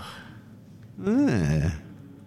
It's the best of both worlds. Ja, ja. Omdat uiteindelijk die zon, die eh, doet die het gewoon wel altijd wel veel goed. In ieder geval. eh. maar het is altijd allebei wel lekker. Zeker, maar eh, sommige dingen zijn ook onvoorkomelijk. Want sommige soortjes, ja, die kun je gewoon kun je wel buiten kweken, maar komen binnen gewoon het beste tot hun recht. Ja, dat is ook waar. Ja, ja, ja. ja. En, Nummer 4 ruikt ook wel heel lekker, moet Ja, ik zeggen. ja. Serieus. En hij heeft ook wel de looks. Hij ziet er heel, die sweets komt er echt heel erg mooi uit. Nou, die is, die is volgens mij sowieso sterker dan die Een eh, hele dominante Want die, nummer 10 die Ja. is wel... eh, ik proef die sweets erin, maar die, die heeft hem toch meer aardse eh, toon. Die 10, ja. En ook lekkerder dat die... Ja, hij is lekker vers ook nog, zeg maar, die wiet. Dat proef je natuurlijk ook heel erg als je hem rookt. Maar eh, nee, genieten. Ja. Nummer 10... eh, Nee, maar ik- Prima. even nog terug te komen op je vraag, wat is beter? Ik, denk- ik Ja. denk niet dat, er, dat, wat, dit- dat beter is. Eh, iemand die graag eh, knallen wiet rookt, ja, die, die zegt van, eh, doe mij maar gewoon eh, wietje wat Binnen. binnengekweekt is. Ehm, ja, ik vind het heel lekker en ik kan heel lekker mellow spacen met, met een plantje wat ik buiten ge- gekweekt Mm. heb.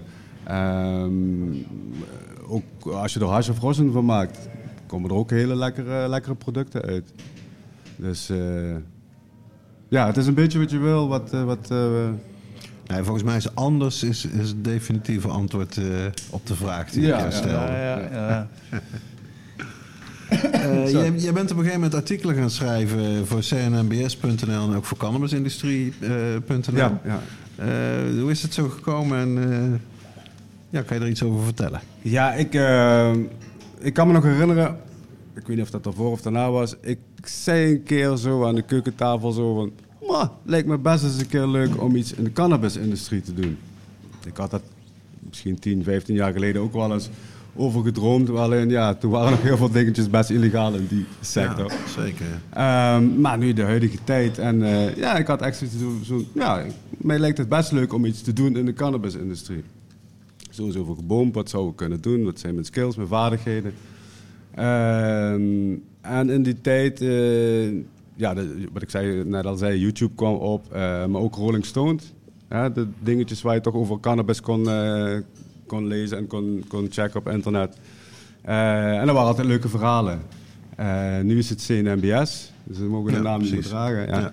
Ehm, en dan zag ik inderdaad ook weer een bekende naam die ik van tevoren in de essentie zag. Meneer wat nou naast me zit, eh, meneer Dirk Bergman. Ja. Ik oh, oh, leuk. Ehm, maar in ieder geval, ehm, dan had je ook die kweekverslagen van ehm, de buitenkweekverslagen. Ja. En ik dacht, leuk, kan ik ook. En het tweede jaar waren de nieuwe, le- nieuwste, nieuwe eh, kweekverslagen. En dan dacht ik ook, oh leuk, kan ik ook. Ik denk, ja, ik kan wel denken dat ik dat ook kan en leuk vind en zo. Ik moet dat maar gewoon eens doen. dus ik naar hun geschreven eh, of ze dat leuk vonden. Ja, ja, goed, leuk. En dan dacht ik van, oh, dat is toch wel spannend, hè. Ja, maar zo gezegd, zo gedaan. eh verhaaltjes, een paar verhaaltjes geschreven. En eigenlijk wel Ja, hele... met dikke foto's ook erbij, kan ik toch wel eh, zeggen. Altijd. Ja, moet, Ja. Het ook moet ook wat, hè. Toch? Ja, zeker. Ja. Ehm, ja, daar hele, hele leuke reacties op gekregen. En, ehm, ja, en zo is het eigenlijk, eh, is het eigenlijk wel, wel, wel, wel, zo is het begonnen en zo is het eigenlijk ook dat het nu is. ja. Ja.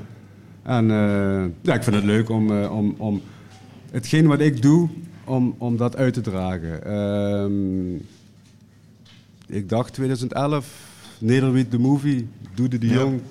Ja, dat was voor mij de eye-opener. eh, zo van, ja, zo kan het. Zo doe ik dat ook. Zo wil Ja, ik dat mooi. ook. Gewoon een vader die thuis eh, hard werkt eh, met een lieve vrouw en kinderen die gewoon normaal leef- leven leiden. En, en dat doen.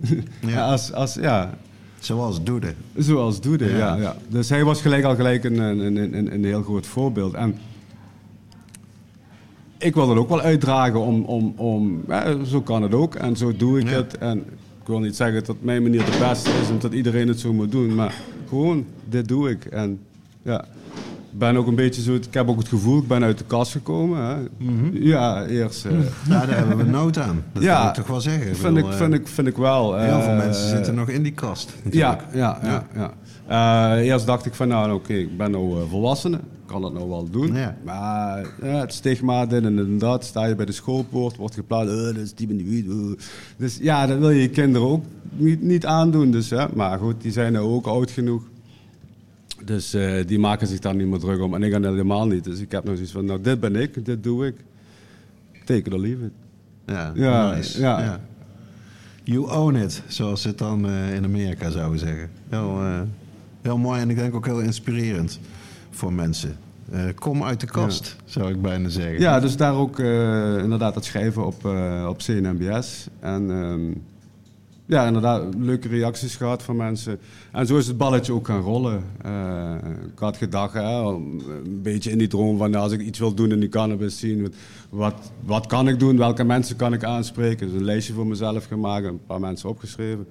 Eh, op een gegeven moment is iemand van dat lijstje dat mij al benaderde van, hey, wil je niet wat Ja, leuke dingen doen? Ja, dan Dus gaat het goed. Ja, en dan is het leuk. Als je dan ja, reacties krijgt van mensen en wil je dit eens doen of dat eens doen, dit eens proberen. En, en dat, daar sta ik wel voor open.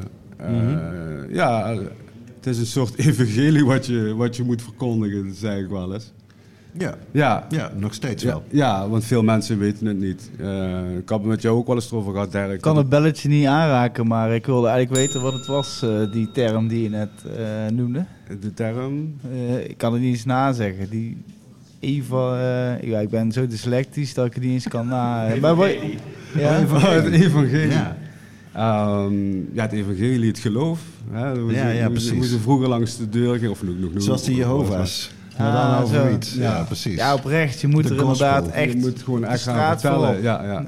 En wat is ook leuk is aan die eh CNMBS-verslagjes, en dan ehm, ook bij Mauro schrijf ik bij, bij de cannabisindustrie wel eens wat dingetjes over, eh, over cannabis.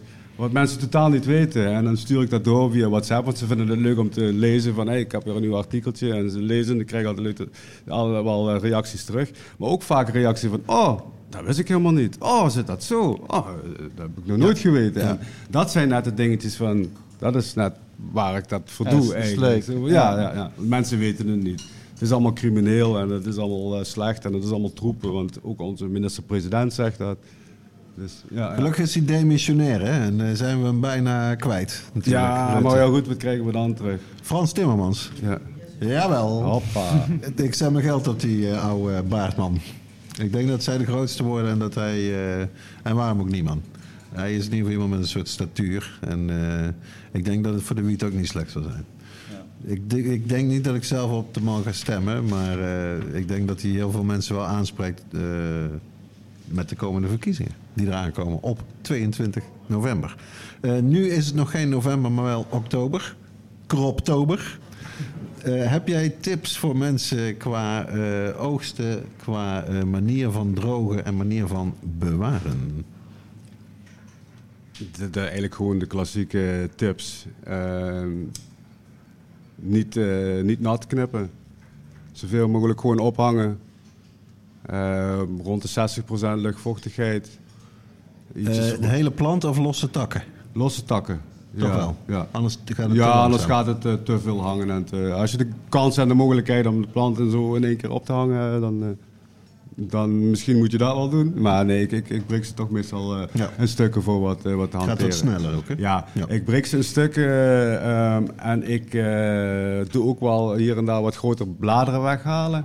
Want ik check dan gelijk de hele, eh, de hele stengel, zeg maar. Of er Mhm. niet toch ergens een butje, eh, butrotje of zo. Eh, eh, ja, ja, ja. Want soms is het zo venedig en het zit er net, net een pikkeltje zo eh, en een topje. En dan hang je hem op en twee weken later dan is de hele top eh, ja, weg. Ah, Dus, dat eh, is zo Ja, erg. ja, ja, ja, ja.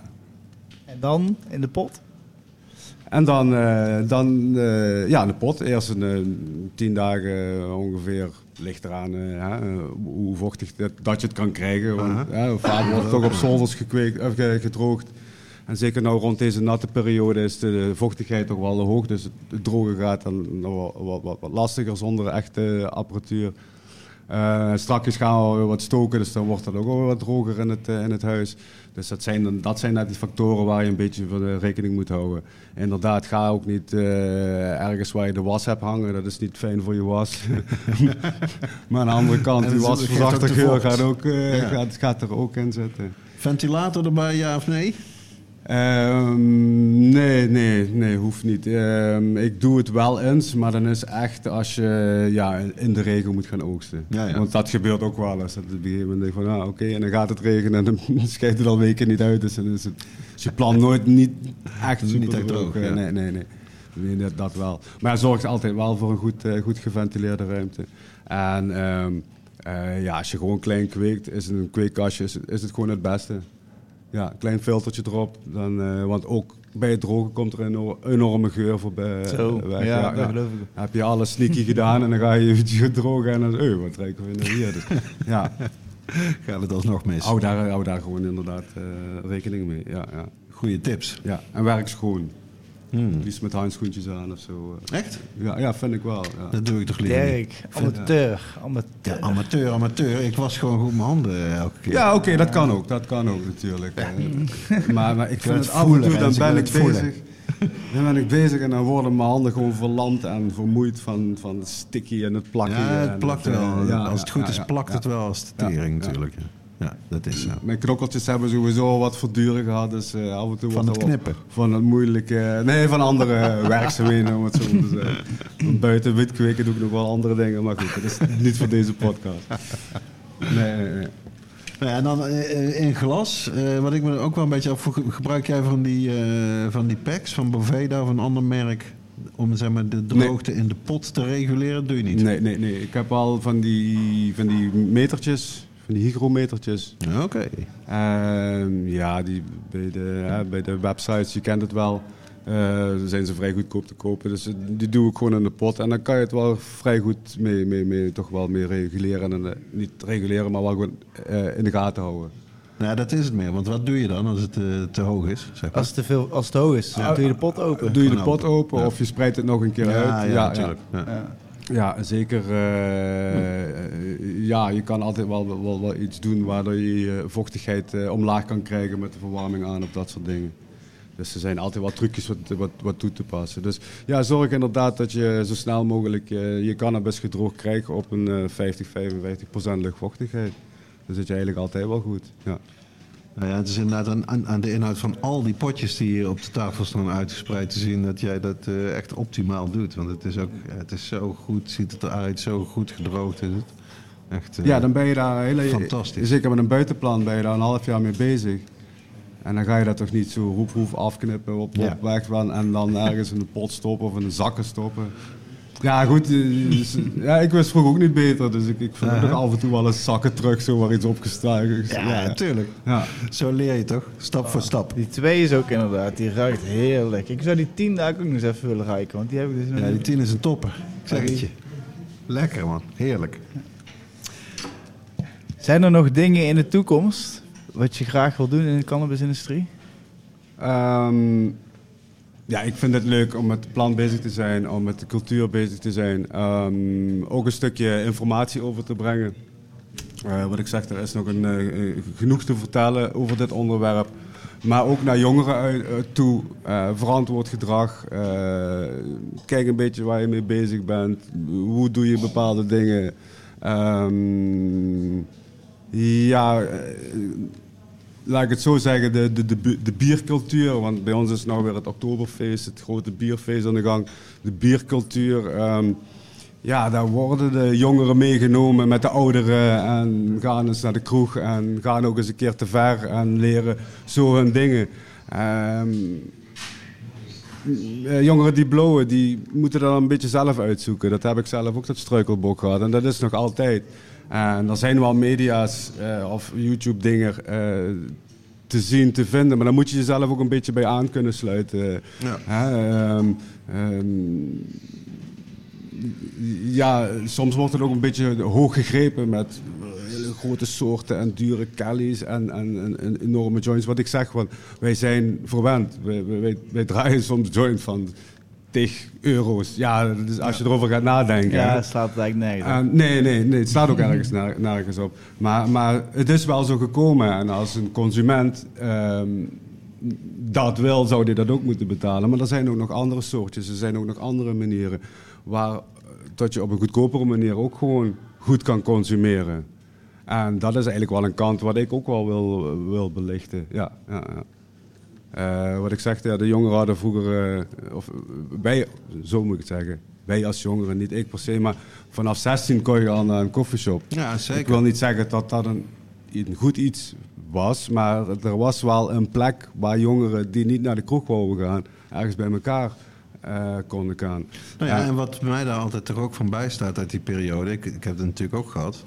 De realiteit is toch dat vrij veel jongeren beginnen hun allereerste joint, ja, niet als ze 18 zijn. Dat is toch wat eerder. Ja, ja, het dat experimenteren. is de realiteit. En dan is het een beetje van, wil je dan dat ze het god weet waar krijgen en god weet wat voor kwaliteit? Of vind je het eigenlijk toch beter dat ze het dan toch gewoon in een normale winkel, namelijk de koffieshop, eh, kunnen kopen? En, eh, dus dat, dat blijft inderdaad wel een beetje een ding. Het, het, het- het- dat zeg ik altijd wel. Het feit dat ze de alcohol en het tabak allemaal zeg maar, naar 18 hebben gegooid... dat is in ieder geval een consistente eh, boodschap. Zoiets Ja. als eh, niks 18, da- daar kan ik me alles bij voorstellen. Maar het blijft inderdaad een beetje... als je dan toch wil experimenteren... Ja, dan, dan beter natuurlijk via een koffieshop dan, dan via eh, illegaal. Maar ja, moeilijk. Ja, dan heb je tenminste ja, zicht erop. Hè? Nou ja, er is ook wel meer bekend geworden, eh, dat moet ik er dan toch ook wel bij zeggen, van als je echt jong begint en zeker wat meer wiet rookt, ja, dat is voor je hersenontwikkeling niet fijn. Nee, nee. Beter daarmee wachten tot je 21 bent, Ja, want dan zo- is het wel een beetje uitontwikkeld. Ja. En dan is het echt een ander verhaal als dat jij eh, onder de 21 bent, laat staan onder de 18. Ja, ja. ja, maar sowieso is het, het, het, het jonge brein nog flink in ontwikkeling. En dat, dat is soms nog wel tot 25 jaar dat dat doorgaat. Ja. En, en zo, ook zoiets, dat zijn dingen waar je rekening moet houden en mee moet houden. Eh, maar dat wil niet zeggen dat het niet mag en dat je het allemaal moet verbieden en, eh, en niet moet doen. Maar daarom zeg ik ook van het stukje verantwoordelijkheid en hoe ga je daar verantwoordelijk mee om. En wat zijn de dingen eigenlijk die tellen in het leven waar het waar het om draait. En ik denk als je daar een bepaalde klik mee krijgt, dan kun je daar best wel wat, wat mee bereiken. Dus eh, dat, dat lijkt me wel, wel, wel, wel leuk om te doen. Dus, eh, Combineer is je, een eh, mooi evangelie. ja, en combineer je nog steeds cannabis en muziek zoals je in het begin de, Ja, ja, die de combinatie legde? Ja, de muziek is altijd wel een leidraad door ehm, mijn leven geweest. Ik geloof dat ik daardoor ook zelfs met Dirk in contact gekomen ben met een of andere playlist wat je opge... dus Volgens mij de, de Stoners playlist of, de, Nou of, ja, of ja, iets met reggae nummers of zoiets. eh, ja, ja, dat kan ik me nog herinneren. Eh, dus ja, muziek is altijd een, eh, ja, een deel, een leidraad van mijn leven geweest. Ja, ja. Ook een enorme muziekliefhebber en, en, en allerlei soorten. En wat ik zeg, ik kreeg mijn singeltje op mijn zesjarige leeftijd en ik ben nooit gestopt met verzamelen. Om, ja. Ah, You never look back. Nee, ja, ja. Het is toch heerlijk man om daar, eh, om daar van te kunnen genieten. En, eh, ja, ja. Maar dan ook, dat kun je ook pas als je de rest van je shit geregeld hebt allemaal. Mhm. Ja, dan, eh, het, is, het is niet alleen maar blowen en oh, leuk, Nee. leuk. Nee, nee, nee. nee. nee maar als je het allemaal gedaan hebt, dan is het een perfect middel. Tenminste, voor mij is het het perfecte middel. Om daar, eh, om daar mijn ontspanning in te zoeken. Want ik ben ook niet eh, ja, degene die in de kroeg gaat zitten of eh, nu naar, naar het bierfeest gaat of zo. Dat, Nee. nee. Past niet in mijn DNA, zeg ik altijd. ja, ja, dat is wel. Want ook blow is, of cannabis is niet voor iedereen. Nee, ja, Nee, precies. het blijven allemaal heel persoonlijke keuzes Ja, en voorkeuren. Nee, absoluut. En met cannabis kom je heel erg tot jezelf. Je komt jezelf tegen met cannabis. Ja. Ehm, ja, en dat moet je ook kunnen handelen. Hè? jezelf kunnen, te, kunnen... Dat is die Bob Marley quote, toch? The herb reveal you to yourself. Dat is inderdaad... eh, ja, ja, ja. Dat zegt het wel eh, in een paar korte woorden. Inderdaad. Ja. Hey, dat is lekker die sweet, hè? ongelooflijk. Ja. Lekker. Ik, eh, ik stel voor om eh, naar de volgende rubriek te gaan. De oude doos. En eh, we hebben nog een aantal rubrieken te gaan namelijk. Ja, in de rubriek De Oude Doos gaan we terug in de tijd en belichten we een stukje cannabisgeschiedenis. En eh, Dirk, wat heb jij deze keer meegenomen uit je bibliotheek? Eh, een boek, eh, een Belgisch boek, uit eh, 1997. En dat heet De Cannabis Connectie. Geschreven door Hans van Scharen. Die voor een van de hoofdstukken samenwerkte met Karel Michiels. Bekende naam. Eh, luister de podcast terug die we met eh, Karel Michiels en Juri Perneel hebben opgenomen eerder. Eh, die heeft dat boek geschreven, uitgekomen in 1997. En ik wil daar een stukje uit voorlezen uit het hoofdstuk dat heet De Plant der Goden. In Zuidwest-Azië, Afrika en het mediterrane gebied werd hennep vooral vanwege de toxische eigenschappen gebruikt. Een opmerkelijk verschil met de Chinezen, die van de hennepvezel al sinds mensenheugenis textiel maken, terwijl men daar in het mediterrane gebied vlas voor gebruikte. Volgens Merlin heeft dat te maken met het weer. Door het vochtige en gematigde klimaat in China kon de cannabis sativa makkelijk sterke vezels produceren.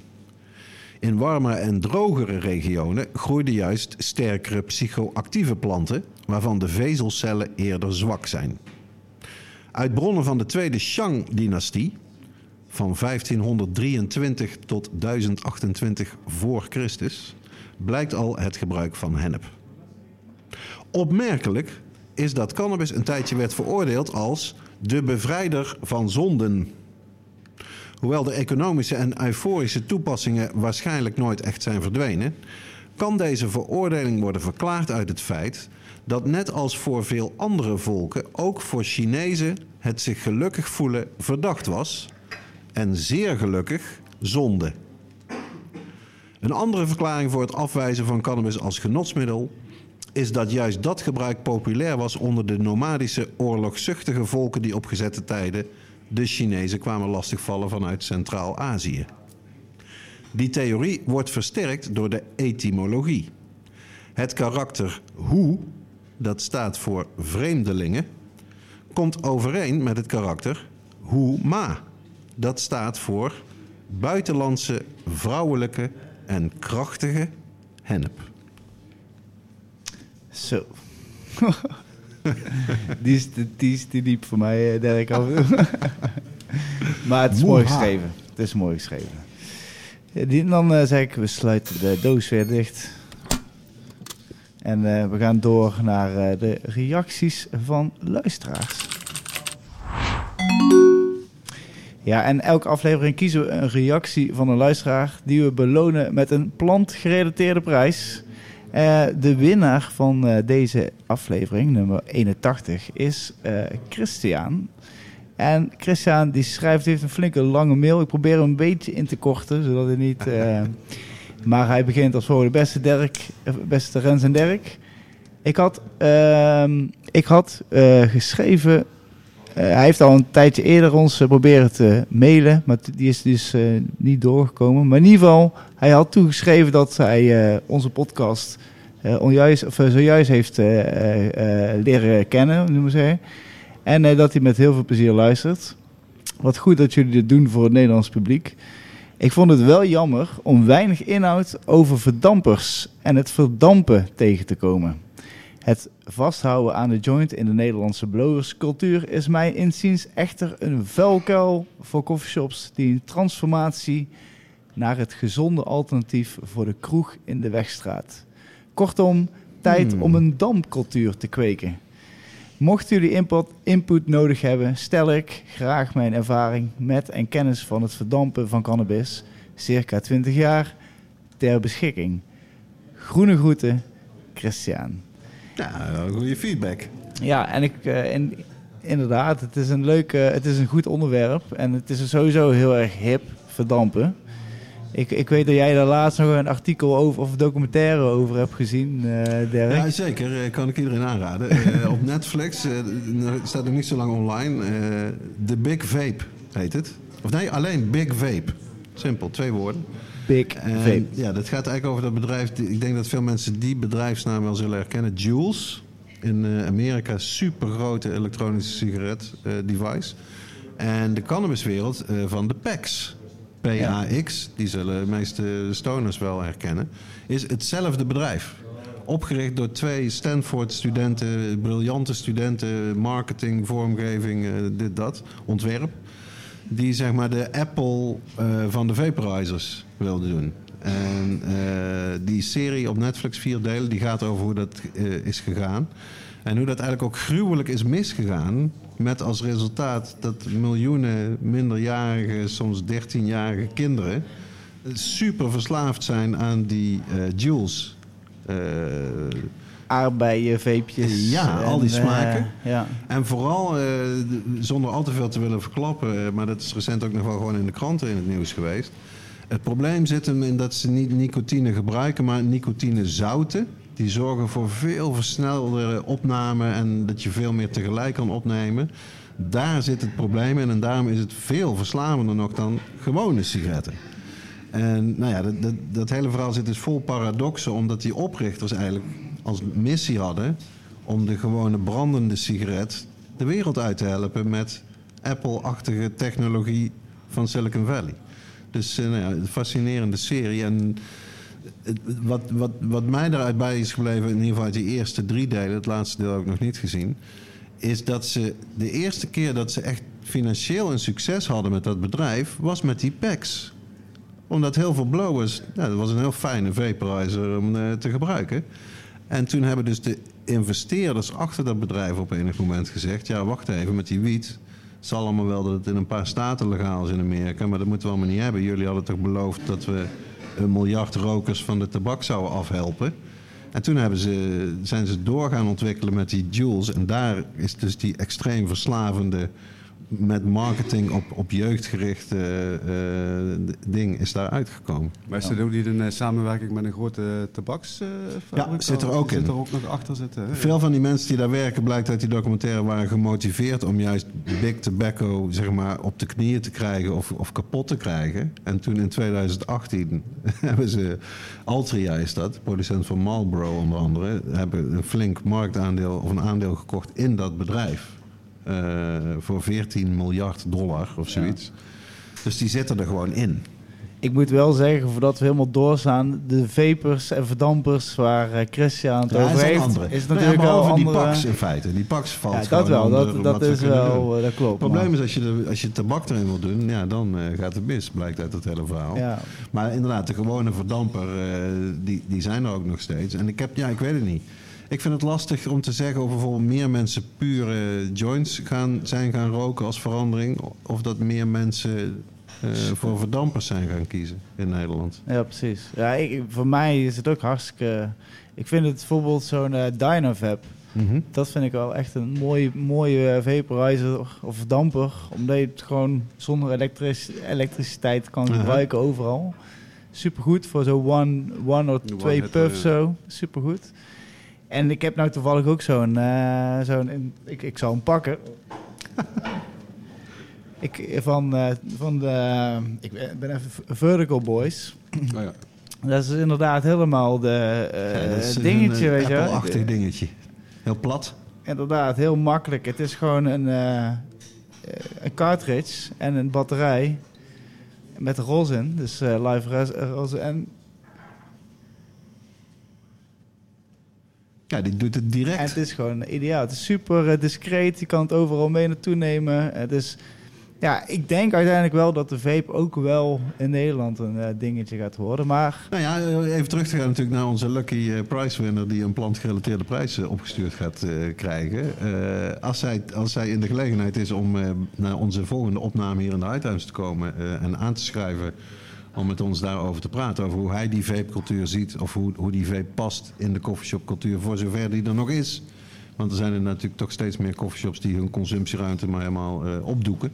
ja, En eh, ja, doodzonde, dat lijkt me niet, eh, jammer, ja. dat lijkt me niet de, de kant die we op moeten. En als vapes daarin een rol kunnen spelen, let's go zou ik zeggen. Maar die, die- die- kijk vooral ook die Netflix-serie voor hoe je dat eigenlijk niet moet doen. En dan hebben we het natuurlijk wel over tabak. Dat is, eh, je maakt natuurlijk terecht dat onderscheid. Dat is heel anders dan het verdampen van cannabis. Mhm. Maar eh, ja, fascinerend. Oké, ja, dus eh, nou, dankjewel in ieder geval voor je reactie. En Mocht je nog vragen, tips, suggesties voor gasten en andere reacties, kun je mailen naar onze e-mail info at podcast en podcast gespeld met een T. En eh, je, kan, je kan ook de comments gebruiken onder onze Instagram of onder onze YouTube. En ehm, ja, de, de leukste kiezen we altijd en eh, krijgt een leuke prijs. Dat brengt ons naar de cannabis quiz. Wie, yeah. wie het weet, mag het zeggen. Haiti Podcast presenteert... Wie het weet, mag het zeggen. Ja, dat is eh, speciaal voor deze vier afleveringen die we in de High Times opnemen met publiek. eh, spelen we een cannabis quiz met eh, twee hooggeachte leden van het publiek. Dus daarvoor gaan we nu de setting een beetje veranderen. Zodat die twee leden plaats kunnen nemen om deel te gaan nemen aan de cannabis quiz. Wie het weet, mag het zeggen. Dus kom er maar bij. Patrick en Bram, hè? Ja? Eentje hier en eentje maar- daar. Rens is druk bezig met de microfoons te verzetten. En ik ga wel even ondertussen naar de wc. Ik kan eh, in die tijd ook eh, de, de spelregels nog een keer eh, voorlezen. Zodat we allemaal precies weten wat er op het spel staat en hoe we het spel gaan spelen. Sowieso moeten jullie beginnen met te kiezen voor of de bel of de toeter. Wie, wie kiest wat? eh? Ehm, ik ben wel een fan van de bel. De bel. Dan is de bel voor jou, Bram. Ik zet hem daar. En daarmee is de toeter voor jou, Patrick. Dankjewel. Ja, we, zullen, we moeten al die potjes wiet die hier eh, op tafel staan een beetje eh, uit de weg doen, zodat je er goed bij kan. Want soms, het kan natuurlijk gaan om seconden of fracties van seconden bij deze quiz. Oké, ik stel straks eh, zeven vragen. Wie na het stellen van de vraag als eerste belt of toetert, mag antwoorden. Een goed antwoord levert twee punten op. Een fout antwoord daarentegen twee punten aftrek. Na een fout antwoord krijgt de andere speler vijf seconden om het goede antwoord te geven. Voor één punt. Een fout antwoord levert nul punten op. Dus geen aftrek. Wie na zeven vragen de, het hoogste puntenaantal heeft, wint. Mochten jullie gelijk eindigen, na zeven vragen doen we een shoot-out vraag. En als de speler die het eerste belt of toetert die shoot-out vraag correct beantwoordt, is hij de winnaar. Als die echter fout is, dan heeft die andere gewonnen. Alright, alright. Ondertussen is Rens eh, teruggekeerd van even te gaan pissen. Ik maakte Dus- de beginfout. Dus dat is Maar normaal is altijd telefoons op stil, even naar de wc en eh, gaan. Nou, dit dat tweede had ik dus niet gedaan. En eh, ik had echt vanaf het begin al moest ik echt naar de wc. Dus ik, ik, Maar goed dat je wel je telefoon hebt uitgezet, Rens. dat wel. Ik, ik zal de score eh, bijhouden. De prijs eh, die te winnen is, eh, is een, eh, een exemplaar van het boek Humboldt Green Gold USA van Steve Fleur. Over de cannabis teelt in Humboldt Country. Schitterend mooi. Alright, cool. En een goed gevulde cannabis goodie bag. Met legale producten. Dat wel, dat moet ik erbij zeggen. Even cool. Altijd leuk. Ja. Zijn jullie er klaar voor? Patrick en Bram. Doe de, Succes. de belletje. Ja. Ja. Vraag 1.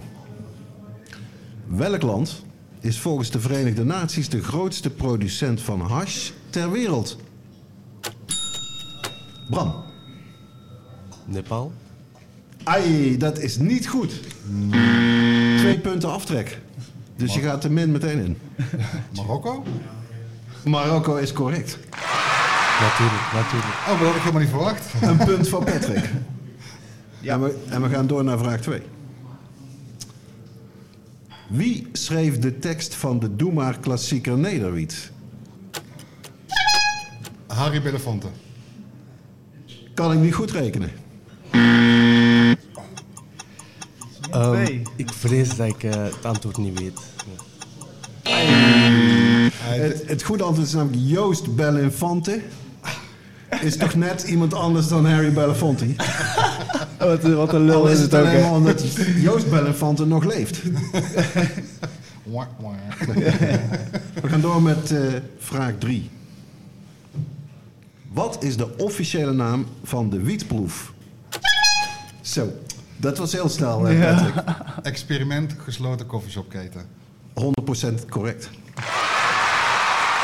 Twee hele punten voor Patrick. We gaan door naar vraag 4. Ja, dat is misschien ook wel een lastige, maar ja, we moeten het ermee doen. Luister goed, komt vraag 4. Welke Eindhovense koffieshop is vernoemd naar een tekenfilmfiguur? Patrick. Eh, de Pink. Ja, dat is correct. Ja, de Pink Panther. Ah, Pink Panther Is natuurlijk. vernoemd naar de Pink Panther. Je kent die shop wel, bro? Ja, ja, ja. ja, ja, Ah. Ik wou het Nee. nog zeggen, maar ik dacht de Pink. Volgens mij geen ding. Toch wel, toch wel. Ja. Ik en ik denk Patrick ook, we zijn zo oud dat wij ons nog herinneren dat hij de Pink Panther Ja, heet, hè? absoluut. Met een plaatje van de Pink Panther ook gewoon op de reclame aan te geven. We gaan door naar vraag 5. Uruguay legaliseerde als eerste land ter wereld recreatieve cannabis. In welk jaar? Patrick? 2013. Ja, dat is goed. Tien jaar geleden al. Ja, respect, respect. Ja, goed bezig, goed bezig. Vraag 6. Waarvoor staat de afkorting CBD?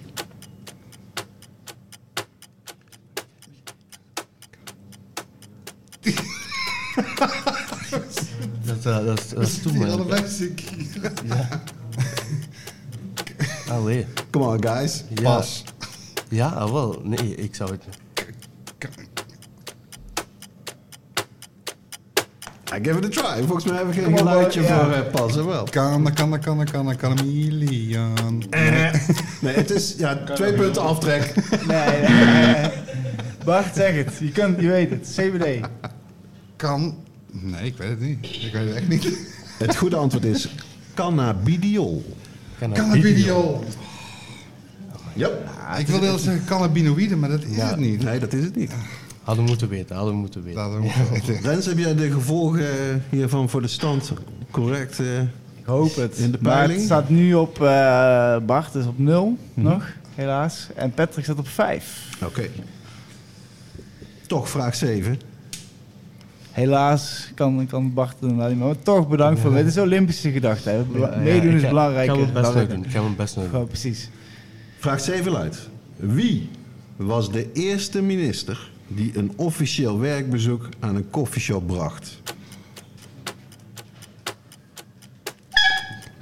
Patrick? Kuipers. Het was Kuipers, Ernst Kuipers, minister van VWS. Ja, die ook nog niet eens zo lang geleden. Dat had ik, had ik nooit kunnen weten. Ik zei, ik zei van België. Dat is, eh, Ja, dat, dat is dat in dit geval wel dat een, een, een handicap. Ik vind dat er nog een eh, bonusvraag moet komen. Dat Zodat die, eh, want dit is ook wel inderdaad een beetje discriminerend. Ik heb, wel, ik heb een internationale Ja, bonusvraag. Oké, oké, oké. En die telt voor acht punten. Oké, let's go. Let's go. Luister goed. Volgend jaar is er niet alleen een Spannenwisbeurs in Barcelona, maar ook in een andere Spaanse stad. Welke stad is dat? In welke stad is er volgend jaar ook een Spannenwisbeurs? Madrid. Madrid is fout! Nee, nee. Het is niet in Madrid. Niet in Madrid. Het is Nee. niet in Madrid. Noem een mooie stad. eh, in ja, het toevallig een wel, beetje in het noorden, Spanje. aan de zee. Maar, Oeh, ik hoor het goede antwoord wordt gefluisterd in de zaal. Het zou, Oh my god. het zou Baskisch kunnen zijn. Wat, in theorie. Bilbao? San Sebastian? Ja, toch? Ja, jij hebt je... Jij hebt Ja, je- hij mag wel niet, maar we hoopten Bart nog. Maar Ja, ja, nee, sorry, uiteindelijk, sorry, sorry. nee, ja, geef niet. Het goede antwoord is inderdaad Bilbao. Bilbao. En dan Bilbao was Bilbao. Bilbao. Ja. Nice. En dat maakt Patrick de winnaar. Van eh, deze Jongens, dames en heren. Wie het weet mag het zeggen. En Dirk heeft een leuk eh, pakketje. Dat is... Ja, we kunnen het eh, ter plekke overhandigen. Dit is dus een collectors item eh, in de tas Oeh, van Plantarium. Want ja, bestaat niet meer. Nice. Dus gefeliciteerd. Dankjewel, jongens. van harte. Van harte. Sowieso Bart, ook dankjewel voor het meedoen. Dat is geen probleem. Dank wel dat ik mag meedoen. Ja, zeker. Neem nog een lekker dingetje ik en eh. Dat ik zeker vermaak je. Ja, Dankjewel. Dankjewel. Oké. Dan, eh, dan sluiten we af. Dus, We zijn eh, rond. we zijn rond. We zijn rond. Eh, Guido, ontzettend bedankt eh, voor het komen naar, naar de High Times. Heel veel dank aan het team van de High Times weer, die ja, het fantastisch verzorgd hebben met heerlijke dingen om te eten. Lekker ding. Al die verschillende soorten thee, helemaal top. En eh, ja, al onze luisteraars, wees welkom bij de volgende opname die we hier in de High Times gaan maken. Op zondag 19 november en op zondag 21 januari volgend jaar, 2024. Steeds vanaf 3 uur. Ja, check onze website hightpodcast.nl bij High Podcast Live voor meer informatie. Bedankt voor het komen, bedankt voor het luisteren en tot de volgende keer. Houdoe.